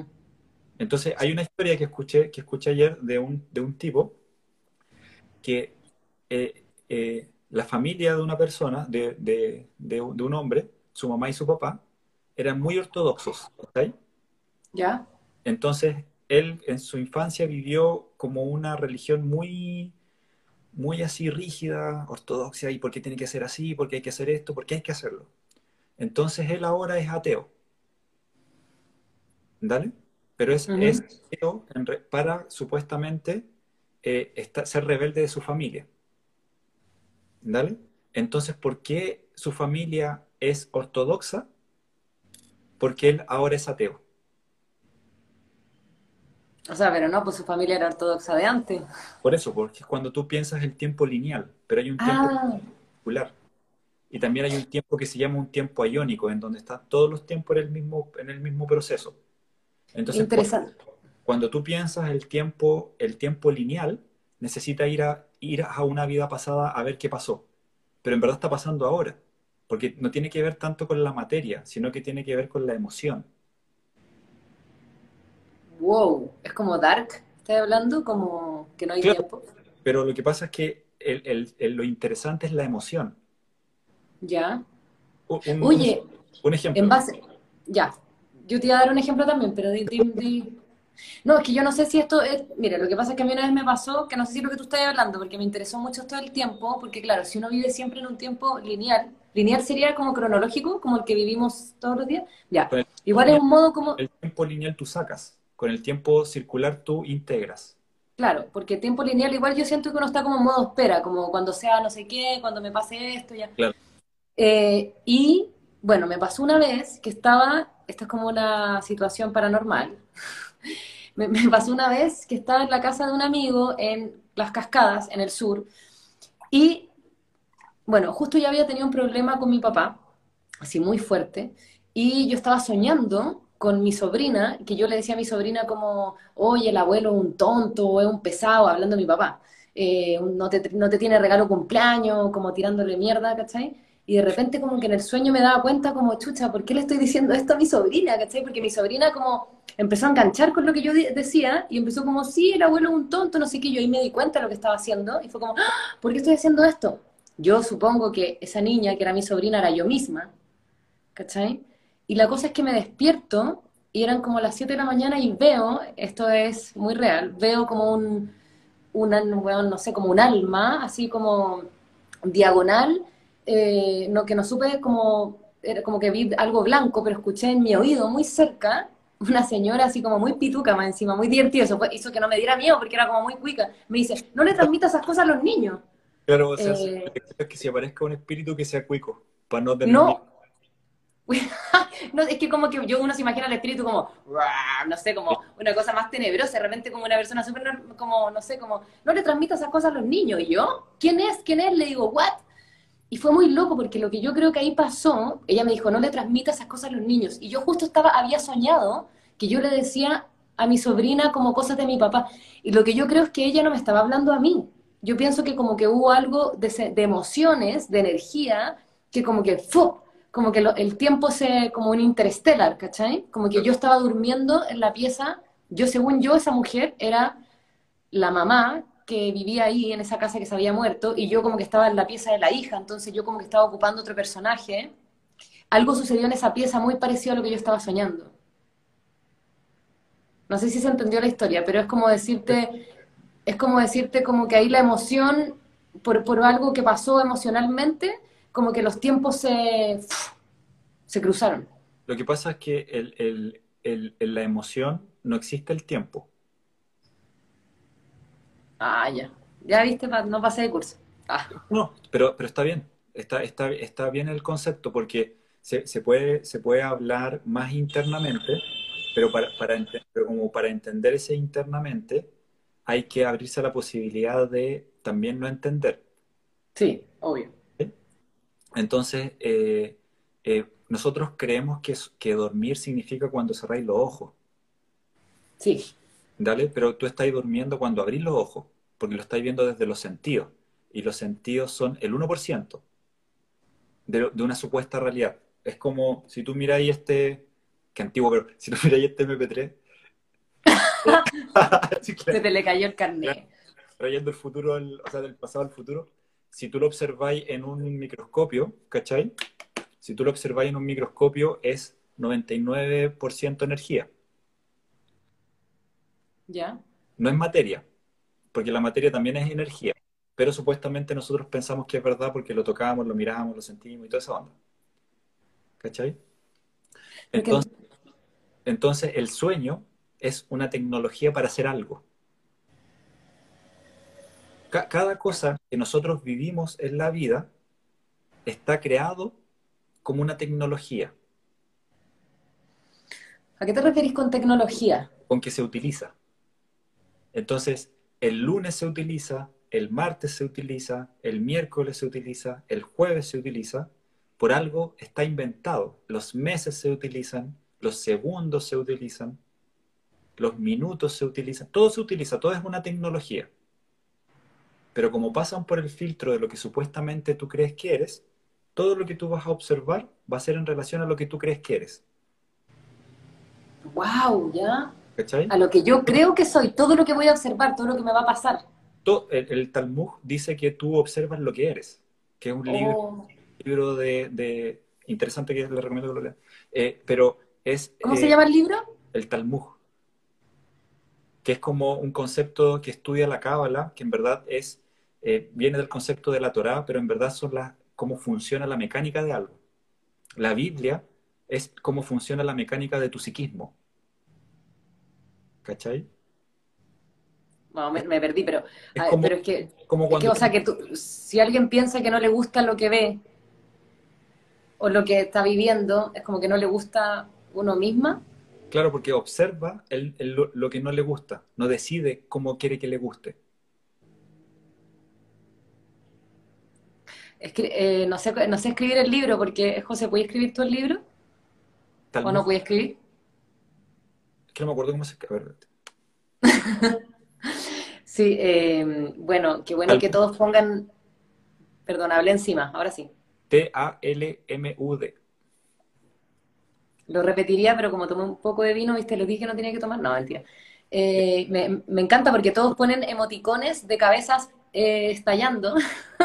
Qué bueno que se unieron a este club de que nos estalle la, mente, pero es muy bonito porque también significa que estamos abriendo, ¿no? Que estamos como queriendo incorporar nueva información. Dice, mi cerebro está explotando, necesito volver a, este, a ver este live. no te preocupes, yo estoy igual. Claro, yo también. La diferencia es que yo he tomado muchos talleres con el José, entonces como que yo debería estar peinada para atrás, pero hay veces que todavía como, y eso que siento que igual te estoy siguiendo. O sea, a mí, o sea, a mí también me pasa lo mismo conmigo. ¿En serio? Sí, a veces no me entiendo, pero bueno. Eh, entonces, que se me fue la onda que estaba hablando. Al sueño. Ya. El sueño, perdona. cada, cada cosa que existe en la materia es un escenario pero es un escenario para dar una respuesta nueva. Ya. Dale. El lunes sirve para algo, el martes sirve para algo. En verdad, cuando vas al trabajo, no es que tú generes el dinero por lo que trabajas, porque la materia no se genera desde la materia. El dinero o la prosperidad tiene que ver con cómo tú te manejas internamente. Por eso se llama abundancia, es abuonda, es una onda es cómo tú generas tu referente. Entonces, cuando tú entiendes que como tú te manejas internamente, cuando vaya el trabajo y aparece el... ¿Qué sería, qué sería para ti manejarte, saber manejarte internamente? ¿Es como, como que tus, tus emociones no te controlen? Claro, por ejemplo, hoy día me ocurrió una situación que ahí lo vamos a hablar con, alguien en un envío que fue muy chistoso, fue como traje cómico, pero fue una tontera, en donde, en, en donde ocurrió una situación en donde mi mente me dice, ándate de ese lugar, ¿cachai? Y, y ándate enojado. ¿Cachai? Y yo dije, me quiero ir de ese lugar y no me quiero ir enojado y me fui a despedir, ¿cachai? Le dije, chao, todo que esté todo bien, pero más que como el orgullo de ellos me hicieron, sino que es, yo le voy a avisar a mi mente cómo yo decido, quiero vivir esto. ¿Cachai? Pero, en la... interesante eso, porque estáis hablando de que la mente igual te habla cosas, te dice, mira, Caro, enójate al tiro porque claro, te ofendieron. Sí, sí, sí. van a ocurrir situaciones, ¿cachai? Van a ocurrir sensaciones, pero ahora te das cuenta que se utilizan. Por eso tienes que entender cuál es tu propósito, porque cuando entiendes cuál es tu propósito interno, aparece negativo, lo utilizas, aparece positivo, lo utilizas. ¿Cómo definirías tú lo que es el propósito? Es la decisión en quién te quieres convertir tú. Ya, y esa decisión en qué te quieres convertir tú, también debieses uno debiese como tener, como saber qué abono es eso para los demás, ¿no? También. Claro, pero para eso hay que estudiar la mecánica de cómo funciona el universo. Y cuando entiendes cómo funciona el universo, te va a permitir utilizar lo negativo a tu favor, porque lo negativo representa el límite. Entonces tú preguntas cómo, por qué en el universo existe el límite, que es el tiempo. ¿Cachai? El espacio-tiempo. Y ahí aparece como unos chispazos de infinito, porque infinito no significa mm, universo. ¿Cachai? Entonces, entonces, cuando... ¿Qué significa universo? No sé.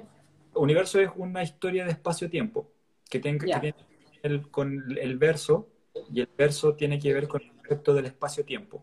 Y como Einstein dice que el tiempo y el espacio es relativo, y relativo también significa relato, viene el concepto relato, tu universo va a ser tu relato interno.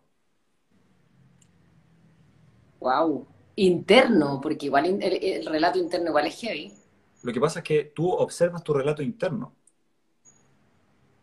El relato interno serían como estos pensamientos, de repente yo igual tengo unos enanos que a veces como que me molestan. Claro, pero o sea, tu universo es como tú te manejas internamente o quién eres supuestamente tú internamente. Ya. ¿Cachai? Entonces, lo que yo he estado practicando esta semana es que ya no quiero tener la razón. ¿Cachai? Entonces, como supuestamente ya no quiero tener la razón, tengo que dejar de aprender quién soy. Ya, ¿y cómo dejáis de aprender quién eres? Se inventa en el momento. Como que, así como que uno te dice como, hola, eh, o José, eh, ¿qué pensáis tú de, de esto? Y tú como que decís, yo siempre he pensado, no sé, pues que el alcohol es la raja y ahora voy a pensar otra cosa. Claro, lo que pasa es, por ejemplo, cuando alguien viene a una sesión y me quiere preguntar cómo hacer algo, yo le pregunto, ¿qué quieres crear tú, cachai?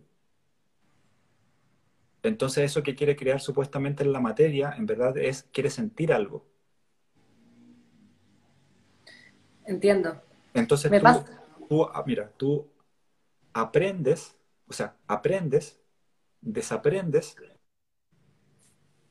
y aprendes para permitirte desaprender.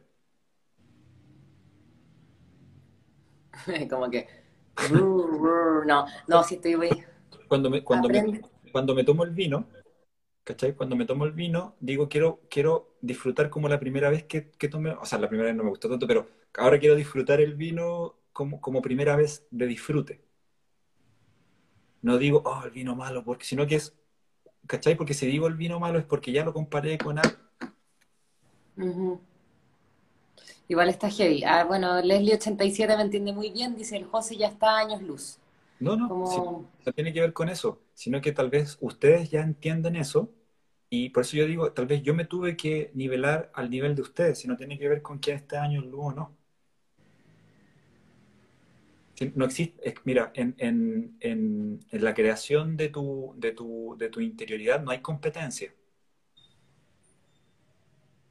Porque lo, porque lo que tú estás entendiendo o lo que tú estás hablando, yo lo utilizo, porque es aprendizaje también. sí, ¿Cachai? yo sé. hablando un poco más no significa tal vez que yo sepa más.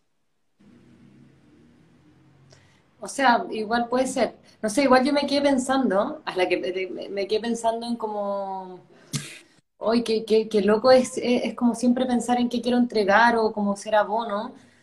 Porque claro, pensaba yo ahora me quiero ir de viaje y como, ¿cómo dejar de pensar en mí? Como decir como quiero lograr cosas allá y quiero vivir algo nuevo, pero ¿cómo lo pienso como para que realmente sea, como cómo salgo de mí? ¿Cómo voy más allá?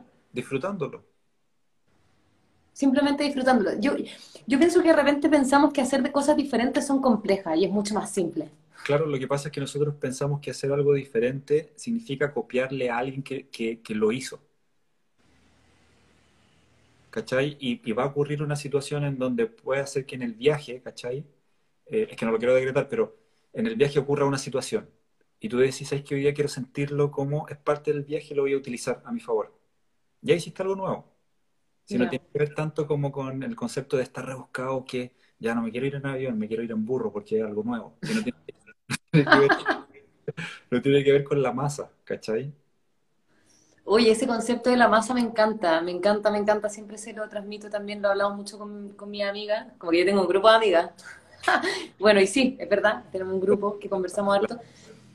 Y está bacán no ser masa, pues, ¿cachai? Como hay veces que uno igual, o sea, o por lo menos que a mí me, me toma tiempo no ser masa, y es como tomar mis decisiones, no hacer lo que todo el mundo hace, eh, porque si no como que est- estáis haciendo todo sin pensarlo, sin decidirlo. Claro, im- imagínate que yo tengo amigos y amigas que yo considero, desde mi punto de vista, muy espirituales, ¿cachai? Y no pensamos lo mismo, ¿Y qué es para ti que son muy espirituales? que se manejan internamente, Ya. Pero no pensamos lo mismo, ¿cachai? Es como cuando, cuando, yo conocía, cuando, por ejemplo, cuando yo conocí a la Katy, que es la directora del, eh, del Centro de Completitud, que para mí es una de las mujeres más crack que yo he conocido en mi vida, como si hay alguien crack, para mí ella es crack, crack, crack, crack, ¿cachai? Onda, yo así onda la respeto y la amo infinitamente y es familia, ¿cachai? Yo la admiro, como que primera vez que admiro a alguien así como, oh, qué crack, ¿cachai? Ya, pero bueno. Entonces de repente yo llego con un pantalón y me dice, ¿y por qué te pusiste eso?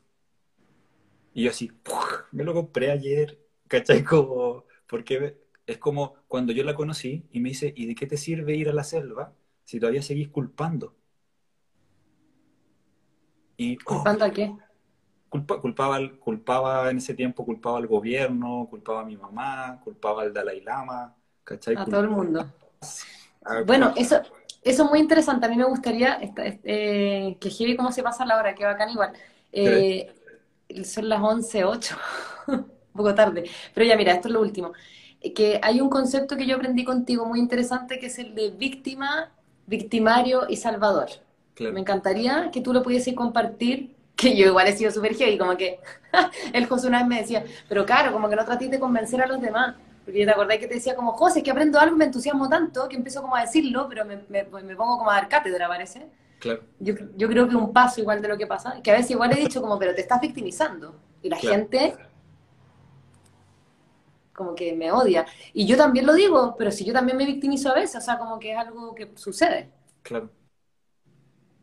Eh, entonces me encantaría que tú explicaras cómo, cuál es la diferencia de esos conceptos o cómo, qué significan. Mira, en, nuestro interior, como concepto de piloto automático, eh, existen eh, como tres opciones piloto automático. ¿Vale? En donde, en donde cuando, cuando tú lo hablas como a un nivel abierto, si, si no tiene el recorrido interno de entender desde dónde se está hablando, comienza el concepto de juzgar. ¿Cachai? Porque lo interesante es que pasó en un, live antiguo con la Adri, en donde, la live anterior en donde yo dije algo y, como que fue como, ¿y cómo dices eso, eso de los niños de África? Y ¿cachai?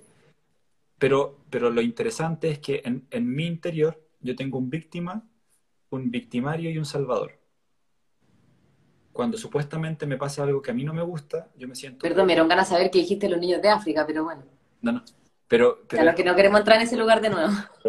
Pero, es, pero ¿por qué yo me siento así? ¿Por qué la vida? Ya, ese es un tipo de víctima. ¿Vale? Y hay un victimario en donde cuando yo quiero hablar con alguien, le expreso mi razón en relaciones que tú tienes que hacer, porque cuando, ¿ya? Y hay un salvador que dice, no importa, si estáis así, está todo bien yo, yo te ayudo. ¿Cachai? Entonces, un ejemplo. Cuando, cuando, y muchas veces nombro este ejemplo, cuando llega alguien a, un, a una sesión y quiere tomar la sesión y, tú, y yo le digo el valor de la terapia, a veces alguien dice, ya, yo quiero tomar la terapia, pero tengo para pagar la mitad. ¿Vale? El valor, el concepto es de la mitad. Si yo le digo que sí, le estoy aumentando el que ella no puede o que él no puede. Pero moralmente es muy bien visto, porque supuestamente soy supuestamente buena persona. Estoy empatizando. Claro, ¿cachai? Pero energéticamente o simbólicamente le estoy diciendo, no puedes. Y gracias a mi decisión, tú ahora puedes. Entonces no le estoy enseñando a crear su propia realidad, le estoy enseñando a depender. Obvio que se puede llegar a un acuerdo y hay toda una, toda una onda. Pero cuando tú se lo explicas así de esa forma, tiene una lógica, ¿cachai? Entonces el víctima, o cada uno de nosotros como víctima, es un pequeño dictador. Sí, eso tú me lo habías dicho.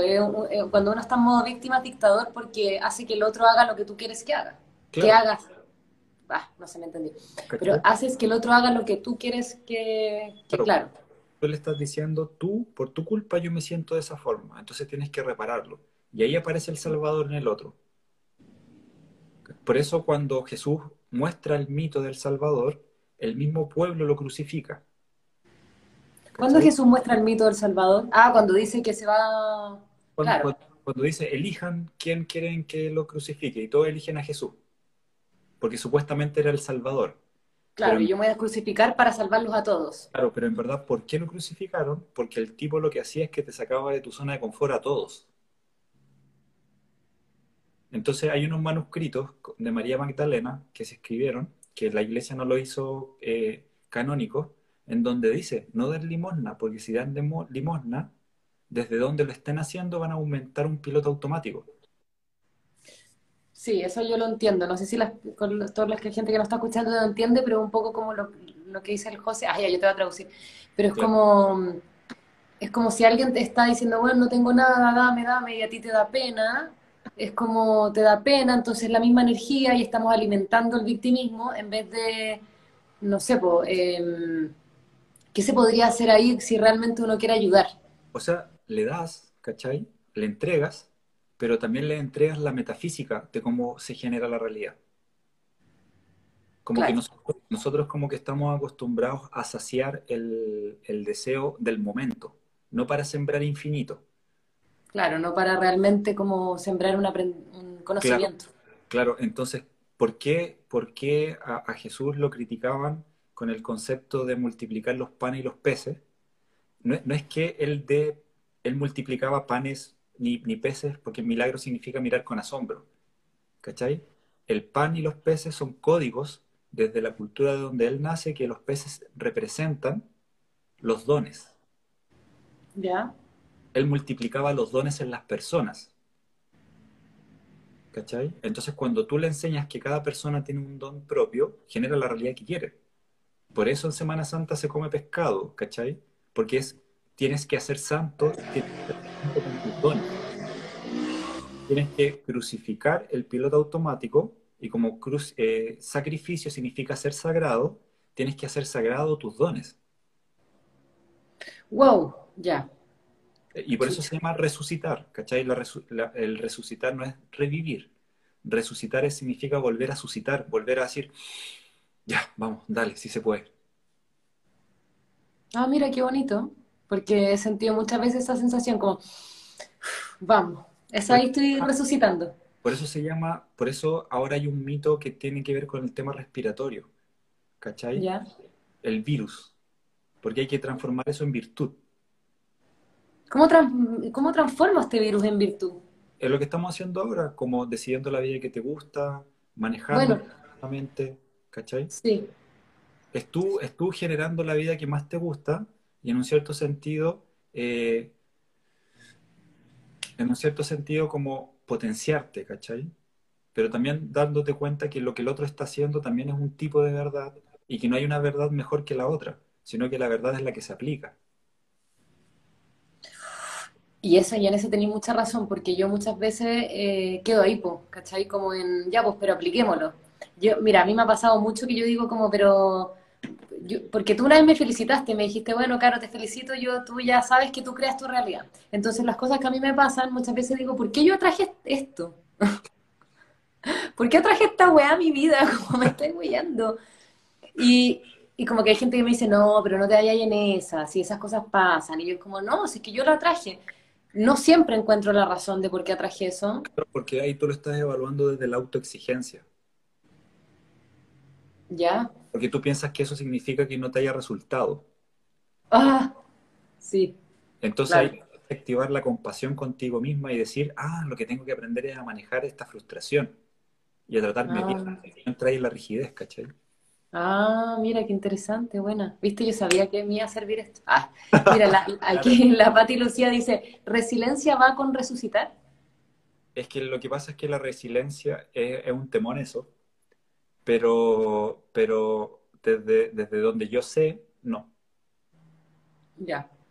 Porque cuando, cuando, cuando Jesús supuestamente hace ver al ciego, en verdad le quitó el victimismo. El ciego que pedía plata. Ah, ya, perfecto, sí, sí, sí. ¿Cachai? Entonces, nosotros pensamos que tal vez resiliencia significa ponerse en el lugar del que supuestamente es más víctima que tú. Yo siento que la resiliencia para mí no es tanto eso. Para mí la resiliencia es como, quizás también como aceptar. Claro, pero, pero lo que pasa es que no es aceptar, sino que es entender que es parte de un proceso y que hay que evolucionarlo. Eso, Claro. Sí, ahí está mejor dicho. Igual para mí Jesús, yo no soy como católica, no me siento tan identificada con la, con la religión católica, pero sí me parece que Jesús igual fue súper grosso. Pero no, él no era católico. ¿Ah, no? ¿no? ¿Ah, no? No, Ah, él, ah. era, Sí sabía. él era- Ah, él era judío. ah, sí sabía, no es que ya. Ah, no. Sí. Claro. Bueno, sí, pues claro, tenéis toda la razón, pues, pero que uno relaciona mucho a Jesús con la religión católica porque Jesús es como un ícono. Claro, pero lo que pasa es que cuando tú tienes la información de lo que te dicen, es porque no quieres entrar en ti. Cuando tú entras en ti, todo lo que tú descubrís es para potenciarte a ti en tu interior. Tienes toda la razón, sí.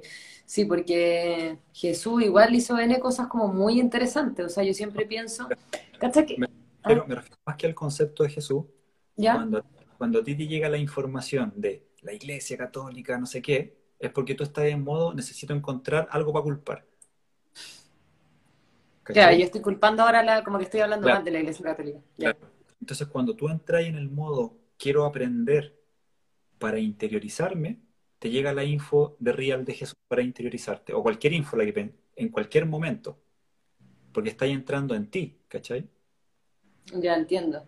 Y que es heavy porque como que tú todo lo que enseñáis o lo que aplicáis siento yo que tiene que ver mucho con sacar el reclamo de tu vida.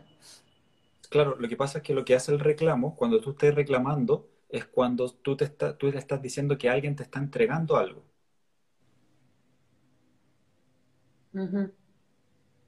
Eh, ay, qué linda, dice Plopita. He aprendido en estos minutos todo lo que no he aprendido en toda mi vida. Me encanta que me digan eso porque mm, yo en verdad los invito mucho eh, a tomar talleres y cur- Igual a mí me da risa porque yo a veces pienso, no entiendo algo que está, no, no entiendo algo en mi vida. Voy a, voy a tomar una sesión con el José, como, a ver, lo pensé antes de- del live, como, no entiendo esto que me está pasando, no, voy a decírselo al José, te apuesto que va a cachar. No, o sea, eso es como, sería como responsabilizarte, ¿no? Pero es interesante como que el José yo siento que tiene una cosa súper auténtica y rica como... y también muy generosa, porque está haciendo todo el tiempo lives, o sea, está todo el tiempo compartiendo su info, entonces es muy, muy bacán, encuentro muy bacán que lo valoren. Claro, Dicen aquí, que pasa ahí también tienes que darte cuenta, más que como el concepto de, de- esto lo hago como para que el ego se vaya, ¿cachai? Pero más Ya. como el concepto de, de, de yo, es también darte cuenta de lo que tú estás atrayendo para ti.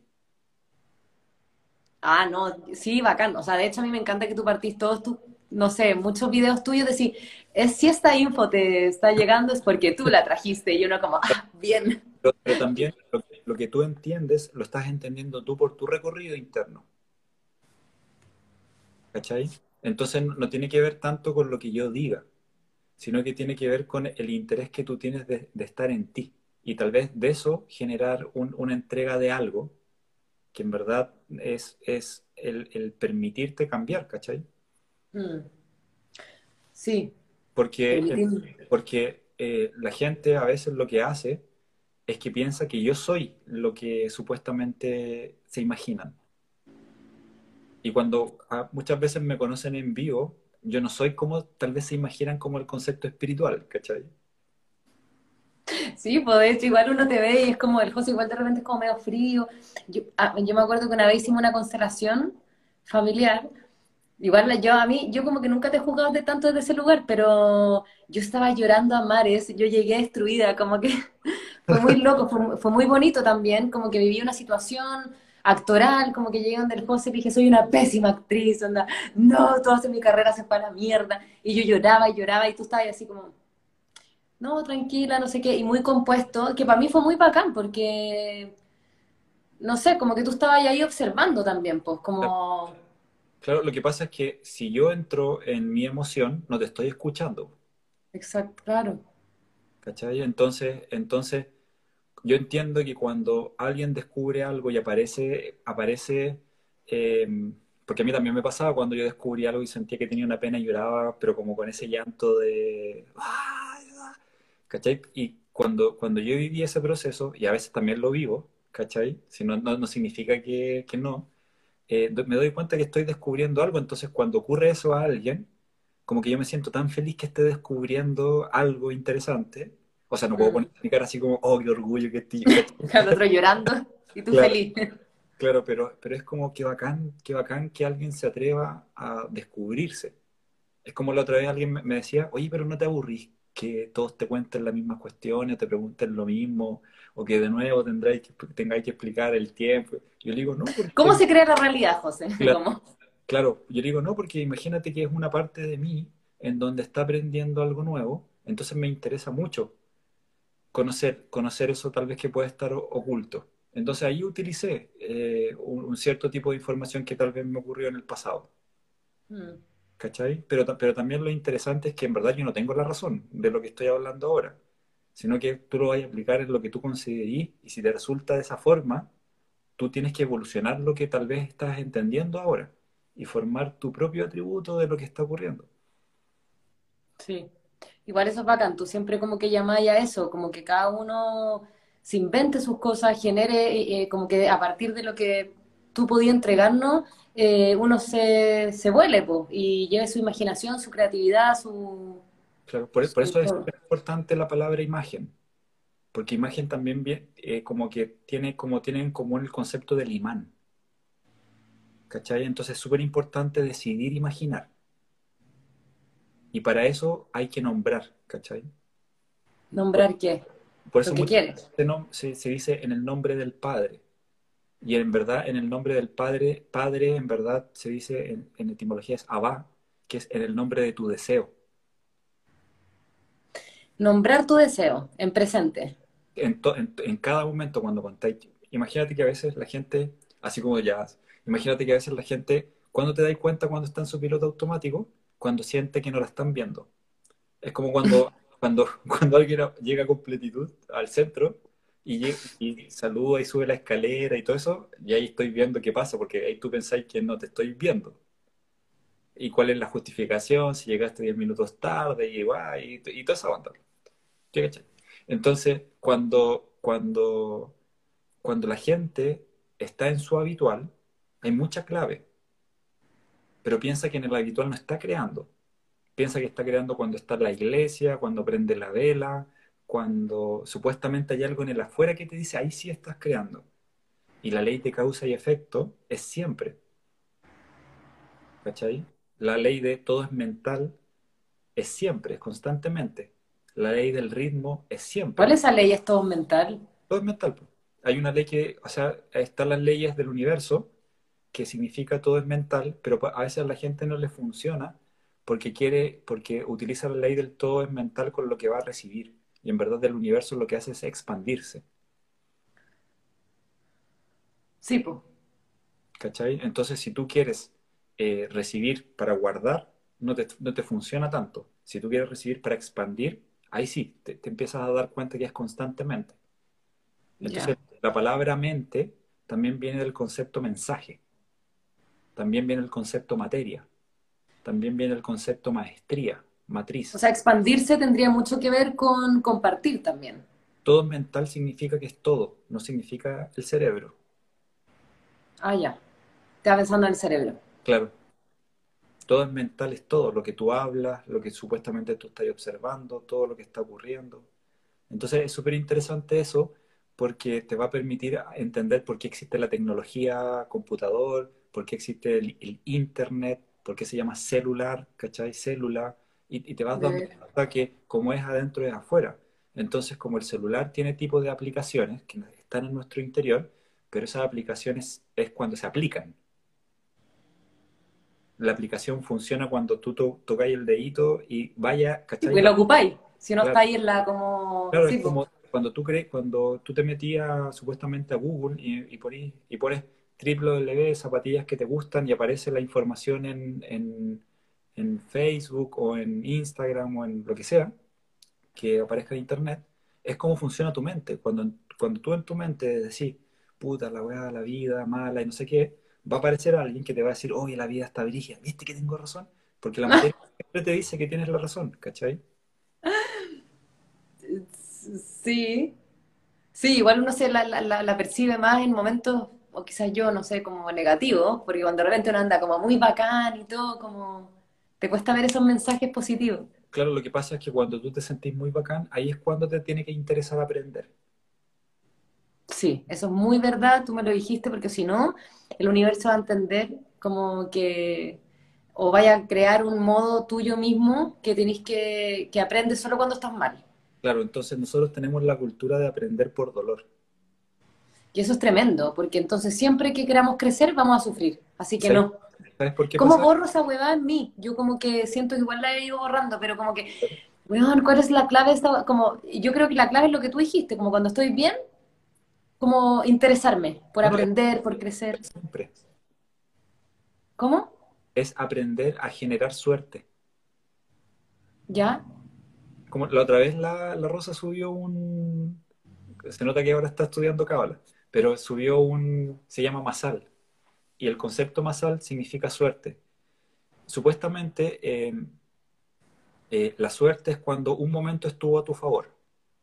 ¿Ya? ¿Dale? Cuando tú entiendes que aprendes de cualquier momento, tú decides aprender de cualquier momento, cada momento va a estar a tu favor.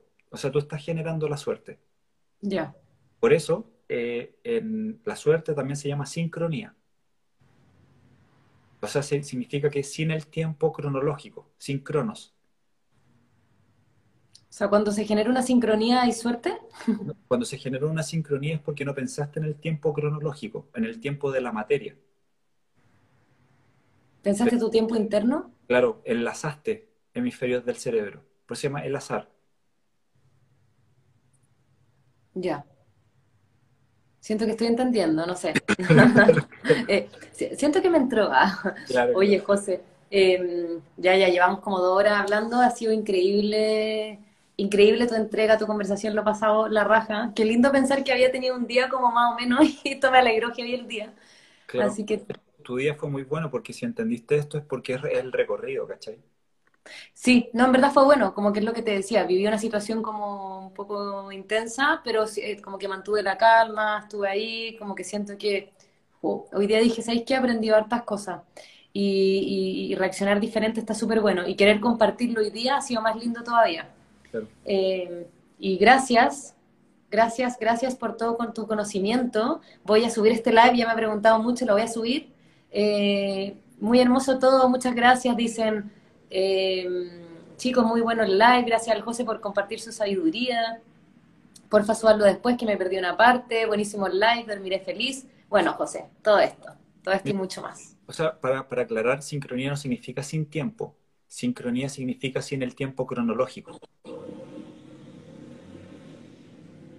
Yo creo como, ¿mm? Eh, Sincronía, sin cronos, cronológico. Claro, sin el tiempo cronológico. No sé, para mí una sincronía es algo que sucede como, ay, no sé, sabría escribirlo, pero es como, Tiempo cronológico es cuando te cuesta la vida. uh, Cuando chucha, tú en el tiempo cronológico generas suerte constantemente. ¿Y cómo estoy, cómo genero suerte constantemente? Como que, ¿cómo no vivo en el tiempo cronológico? ¿Qué le quieres agregar al momento siempre? ¿Y qué, apren- qué aprendes del momento? ¿Qué aprendo y qué le quiero agregar? ¿Y qué quiero Claro. entregar, no? Claro. Entonces, cuando tú enciendes la tele y aparece Piñera y aparece el... Tú decís, Ese, claro, me conviene, me conviene esto, ¿qué quiero hacer? Apago la televisión, invito a alguien, hago algo, porque estoy generando algo nuevo. Mm. Sí, yo me quedo con, sí, como que seamos más abonos, hagamos más cosas bacanes para todos. Lo que pasa es que lo que tú, mira, la conciencia es una lupa. Si tú sigues dándole conciencia a lo que le das conciencia, se va a generar esa conciencia. Si tú quieres hacer algo nuevo, tienes que enfocarte en lo nuevo, no en querer destruir lo antiguo, porque Total. pensáis, porque pensar que eso significa crear lo nuevo. Mucha gente lo que hace, y a mí también me pasaba, que nosotros pensamos que hablar mal del otro significa que yo estoy, yo estoy supuestamente diciendo lo bueno que soy. Pero tu, Mm. mente, pero tu mente no piensa eso, tu mente dice, si tú te fijas en eso, te- se va a fijar, se va a crear esa información. Entonces les recomiendo que por una semana no culpen. Ay, me encanta, nos fuimos con tarea para la casa. Obvio. Por una semana no culpemos Claro. a nadie. Por una semana celebremos y inviten a gente a celebrar, a celebrarse, aunque sea por Zoom o lo que sea, y que independientemente de lo que ocurra como, como en el afuera, que no significa ni bueno ni malo, es ver si tú estás cumpliendo tu palabra. ¿Cachai? Que cumplir tu palabra es como pensaste algo, lo cumpliste, lo hiciste. Cumplir tu palabra significa que, eh, que el verbo se juntó con la materia. Por eso verbo significa eh, palabra y materia, palabra y acción. ¿Cachai? Perfecto. Entonces tenemos la tarea. Claro, si les interesa, también tengo un podcast en Spotify que se llama Espiritualidad habitada en el cotidiano. Y también hay un concurso si quieren ganar una sesión individual. Oye, concursen en una sesión individual con el José, increíble, así que bacán. Bueno, José, gracias. El José tiene, síganlo, eh, hace talleres todo el tiempo, eh, eh, terapias individuales, está, siempre hace live, está siempre compartiendo su info. Yo lo he tenido que escuchar muchas veces para que esto se incorpore en mi vida y ha sido un, gran regalo, por eso también lo compartí hoy. Así que gracias, José, por, por, estar hoy. Ya se nos viene otro de pronto. Obvio. Ya te llevamos como dos horas. Claro. Y, y, este, este mes, el 24, ah, no, el 22, dicto un taller que se llama eh, Crea tu, tu creación en mi realidad, en la realidad de cada uno. Y el 24 dicto un taller que se llama ¿Y tú por qué elegiste a tu familia? ¡Wow! La, la Pati Lucía dice concurso su IG, dice sí, concurso, hace, el José está haciendo concursos de ¿quién quiere una terapia individual? ¿Está regalando, creo, me parece? Hago concurso de una terapia individual o participar en algún taller. Claro, regala una terapia individual, hay que compartir, qué sé yo, esas cosas de Instagram, así que que la suerte los acompañe. Hay que generar suerte. Listo. Dale. Gracias. Eso, José. Muchas gracias. Gracias, Sofi. Dice, gracias, José. Gracias, Carita Hermocha. Oye, la Sofi yo la conozco hace, hace calete tiempo. ¿En serio? Ah, es súper amiga mía. La, la Sofi la conozco de, a ver, ¿cuándo fue? El 2011, 2012. No. La, la Casa de los Dibujos, porque ella era polola del Fran Achondo. ¡Oh, qué! Conocí a Fran Achondo. Weón, el Fran Achondo era mi mejor amigo de la universidad. ¿En serio? Te juro, yo pololeé con su hermano. Ah, yo viví un tiempo con el Fran Achondo. No. Sí, en una casa que tenía ahí en Las Condes. Ay, no me acuerdo, pero qué divertido, weón. El Fran Achondo lo conozco perfecto, un súper amigo mío así de la vida. Sí, sí, gran valor. Ay, qué buena, qué lindo, qué hermoso. Por eso me acuerdo. Bueno, José. ¿Ah? Por eso me acuerdo. Ah, de la Sofi, sí, pues cuando la Sofi pololeaba con el Fran, yo pololeaba con el hermano. Ah, con el Felipe. Qué divertido, qué buena. Oye, ya un besito, muchas gracias. Qué rica esta conversación, te lo agradezco en el alma. gracias por compartir tu sabiduría, tu conocimiento y ser tan bacán. O sea, lo importante es aplicarlo. Eso, y aplicarlo. Nos vemos. Chao, chao. Chao, chao. Hagamos un carrete. La rosa, ya. Los amo, gracias, gracias, gracias. Estoy feliz. Borracha, no, mentira, estoy feliz nomás.